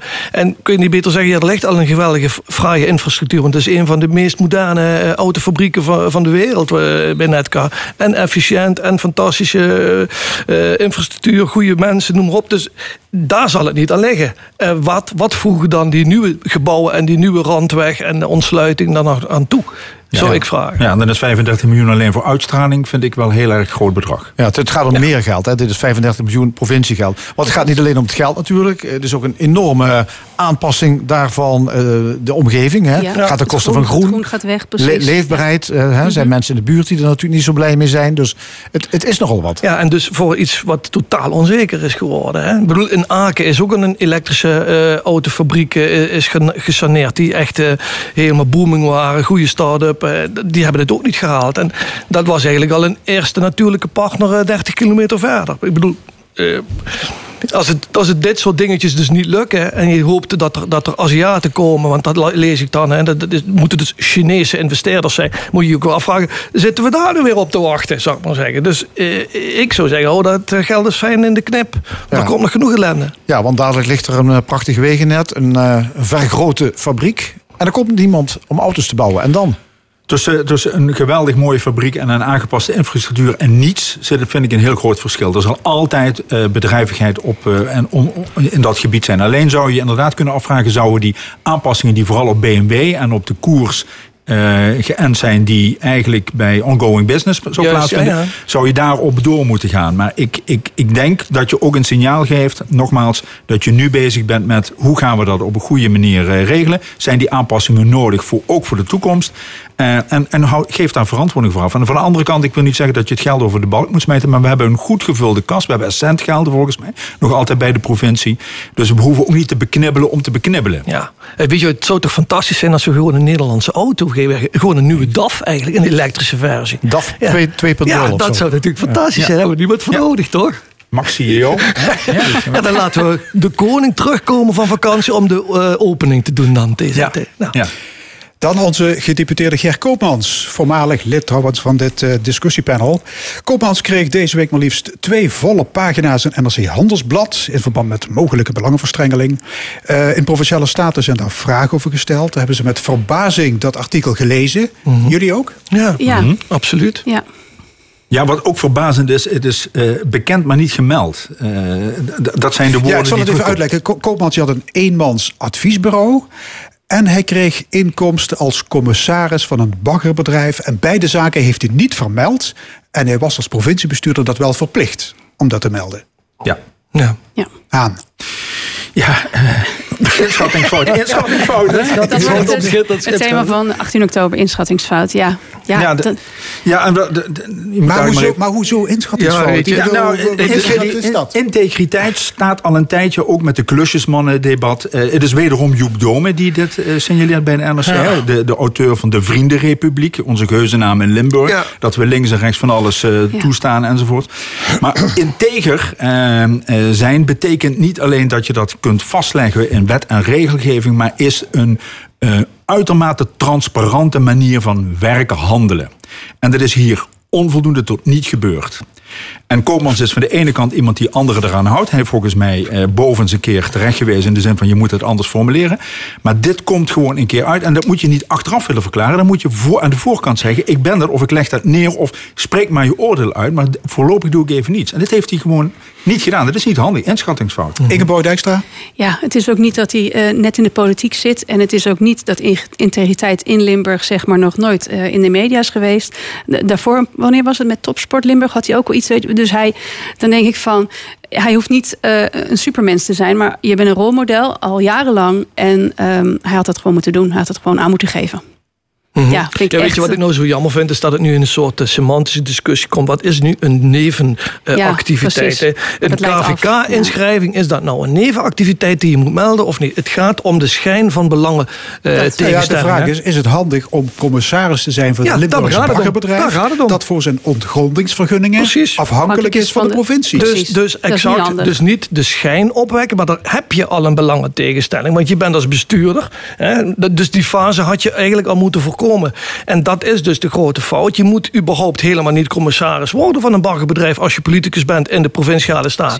Er moet eigenlijk gewoon een verbod op zijn dat op zaken waar jij persoonlijk mee eh, te maken hebt, in welke wijze dan ook, dat je daar gewoon niet mee eh, ja, verstrikt raakt. Ja, en sterker nog, dat mag ook helemaal niet. Nee, tuurlijk. Maar dat, en dan heb je dus een gedragscode voor. Ja, ik heb ze eens even erbij genomen. Ik vind als jurist zijn een boterzacht verhaal. Eh, Dus wij zullen elkaar erop aanspreken. Ja, dat zul je dan wel zien. Ik bedoel, wat heb je daar dan aan? Hè? Snap je? Het gaat er gewoon om eh, dat het eigenlijk... Doen we die regeltjes maken, of maken we die regeltjes om corruptie tegen te gaan? Corruptie, daar gaat het om. Vriendjespolitiek, hè, waar Joep Doelpunt over heeft. En hier gaat het dus om de schijn van corruptie te vermijden. Dat ja, is ja, het hij zou zich eh, actief hebben bemoeid met dat plan Meer Maas, Meer Venlo. En dan meer speciaal over de verplaatsing van de jachthaven. Hij kreeg een kritische e-mail van de directeur van Terrak, dat baggerbedrijf. En heeft die doorgestuurd naar ambtenaren van de provincie. Is dat kwalijk? Dus, eh, dus niet chic. Ja. Dus gewoon niet chic daar- en is niet niet- handig. Het is niet Nee, het juiste kanaal op die manier. Nee. Ja, maar daarvoor maken bedrijven, juist politici, eh, commissaris. Er wordt er niet Mark Hermans gevraagd, maar eh, hè, want ik, ik kan dat mailtje niet doorsturen. Dat, dus dat, dat is natuurlijk allemaal om invloed te hebben indirect. Op een, eh, daar, ga, daar bijvoorbeeld ben je commissaris, ben je fan ben je van zo'n bedrijf en zo. En daarom word je daarvoor ook voor gevraagd. Dus Ja. ik vind het eigenlijk zo stom van hem. Maar Koopman zei, het was bekend dat Ja, het als gedeputeerde ja, ja. lid was van de raad van commissarissen van dat Ik vind het een zwak, zwak verhaal. Ja, maar de, en de vraag is, waarom heeft daar niemand ooit een punt van gemaakt? Nou, de- ik, ik denk in de artikelen en in de, de analyse staat ook dat er een relatief zwak eh, integriteitsbesef is binnen de ja, dat zegt provincie. hoogleraar Bovendeert. Ja. hè? Ja. Dat is een teken dat het integriteitsbesef in Limburg zwak is ontwikkeld. Ja. Ja. Nou, la- laten dus we bij- daar actie op ondernemen. Of Ja. laat daar de provincie actie op Nou ja, er is een commissie samengesteld en zo'n prachtig rapport. Maar ik moet echt nog zien. Het is, eh, als dit zo binnenin zit, Ja, dan, je, eh, dan, gaat- ja. dan kan je honderd commissies hebben en, allerlei, en bovens daar als eh, voorzitter bij zetten. Die ik trouwens zeer respecteer, daar gaat het niet om. Maar dat ik denk van, ja, denk even na wat je doet. Weet je, het probleem ja. is, Ger Koolmans is een politicus die heel benaderbaar is. Zeker. Hè? Die kun je bellen, die kun je, Mhm. het is een, iemand die heel snel ook voor je eh, wat kan regelen. Hè? Maar in positieve zin, dat is iemand die gewoon dingen wil bewerkstelligen. En dat is natuurlijk dan ook tegelijk de valkuil. Als je daar te ver in doorschiet, dat je dan denkt, ach ja, goed, dit is van mijn eh, dorp eh, Velden en dan moeten ze daar wat gaan afgraven. Ja, dat is misschien niet zo handig of whatever. Ja, dat je dan al snel in zo'n situatie zit van, ja, oh, ik, gaan, we dan, gaan we wel eens even voor je regelen. Ja. Mark, benaderbaar en daadkrachtig. Hè? Ja. Ik regel dat dan Maar goed, dan 9000 euro per jaar voor krijgen, dan drie jaar op de loonlijst staan. En ik bedoel, kijk, eh, een rechter die heeft ook een openbaar register, die moet nog melden als je in de ouderraad zit voor de kinderen op school, bij wijze van spreken. Hè. Dat hoort nog bij eh, nevenactiviteiten. Dus Ja. We hebben nog een zondagsonderwerp. Het eh, bisdom gaat het aantal zelfstandige parochies fors reduceren. Van 300 naar 50. Nou ja, goed, zal niemand verbazen. Hè, want er zijn minder kerkgangers. Maar bischop Harry Smeets die vindt dat parochies meer bezig moeten zijn met verkondigen van het geloof. En hulp bieden aan mensen in nood. Jullie reactie? Ingeborg Dijkstra. Ja, ik denk dat eh, de meesten zullen erkennen dat dat zeg maar, het, het hart van de kerk is. Veel kerken hebben dat als hoofddoel. Hè? Dus eh, enerzijds dan het, eh, het, het nieuws uit de Bijbel verkondigen... en aan de andere kant het zorgen voor anderen. Dus dat snap ik. Wat nu een nadeel is... Gaan we dan een hele andere Rooms-Katholieke kerk in Limburg beleven, meemaken? Dat weet ik niet. Ik, ik hoopte eigenlijk al dat de meeste kerken zich ook daarmee bezig hebben gehouden. Het grote nadeel is dat ze nu wat meer als een soort ondernemer moeten gaan denken. En gaan kijken van ja, hoe gaan we dat ook markttechnisch eh, eh, maken. Ik las dat ze misschien eh, zaal, zalen willen gaan verhuren en zo. Dat zijn typisch eh, ja, ondernemersregelingen. maar dat zit het bisdom waarschijnlijk niet echt in het hart. En er zal goed over nagedacht moeten worden. En het is kostbaar, omdat veel van die oude kerken... Ja, die kosten een vermogen om te renoveren, te verwarmen. Ja. En, en dan in die zin rendabel te maken. Dus Dus maar de vraag of je de kracht vindt om, zal maar zeggen, op die manier door te gaan. Nou, als je missie is om andere mensen te helpen, dan kan niet gelijktijdig je focus ook zijn om eh, bijvoorbeeld zo'n parochie eh, ten volle te benutten en daar financieel eh, beter van te worden. Dat lijkt me een beetje Mhm. tegenstrijdig. Maar Ja, zien jullie eh, gebeuren? Nou, ik, ik, weet je, dit is natuurlijk gewoon een sterfhuisconstructie, letterlijk en figuurlijk. Dit is eigenlijk gewoon de, de ontkerkelijking met alles wat daarmee samenhangt. Als er dus dadelijk 50 parochies zijn, hebben we nog 50 pastoors in Limburg. En dat zullen dan meestal Filipijnse pastoors zijn of eh, eh, uit andere missiegebieden die hier naartoe komen, omdat hier eh, de Limburgers, er zijn geen pastoors meer te vinden. En er zijn ook geen parochies meer die, dat, die die hulp aan de zwakkeren kunnen dragen. Want Dus je- moeten kerkbesturen zijn en er moet infrastructuur zijn. Maar er zijn geen gelovigen meer die dat kunnen dragen. Dus ik, dus het kwijnt gewoon weg waar je bij staat, zeg maar zeggen. Net als de, de gletsjers die, die weg zijn. Nou. Ja, dat is Hartelijk dank, discussiepanel. Vandaag met Ingeborg Dijkstra, Wim Haan en Mark Hermans. Dank jullie zeer. En dit was de stemming. Vandaag gemaakt door René Bergers, Angel Zwaas, Fons Geraerts en Frank Ruber. Graag tot volgende week zondag, 11 uur. Dit programma wordt herhaald maandagavond om 8 uur. En is ook te beluisteren via onze website l1.nl, via podcast en Spotify. Ik wens u nog een hele mooie zondag.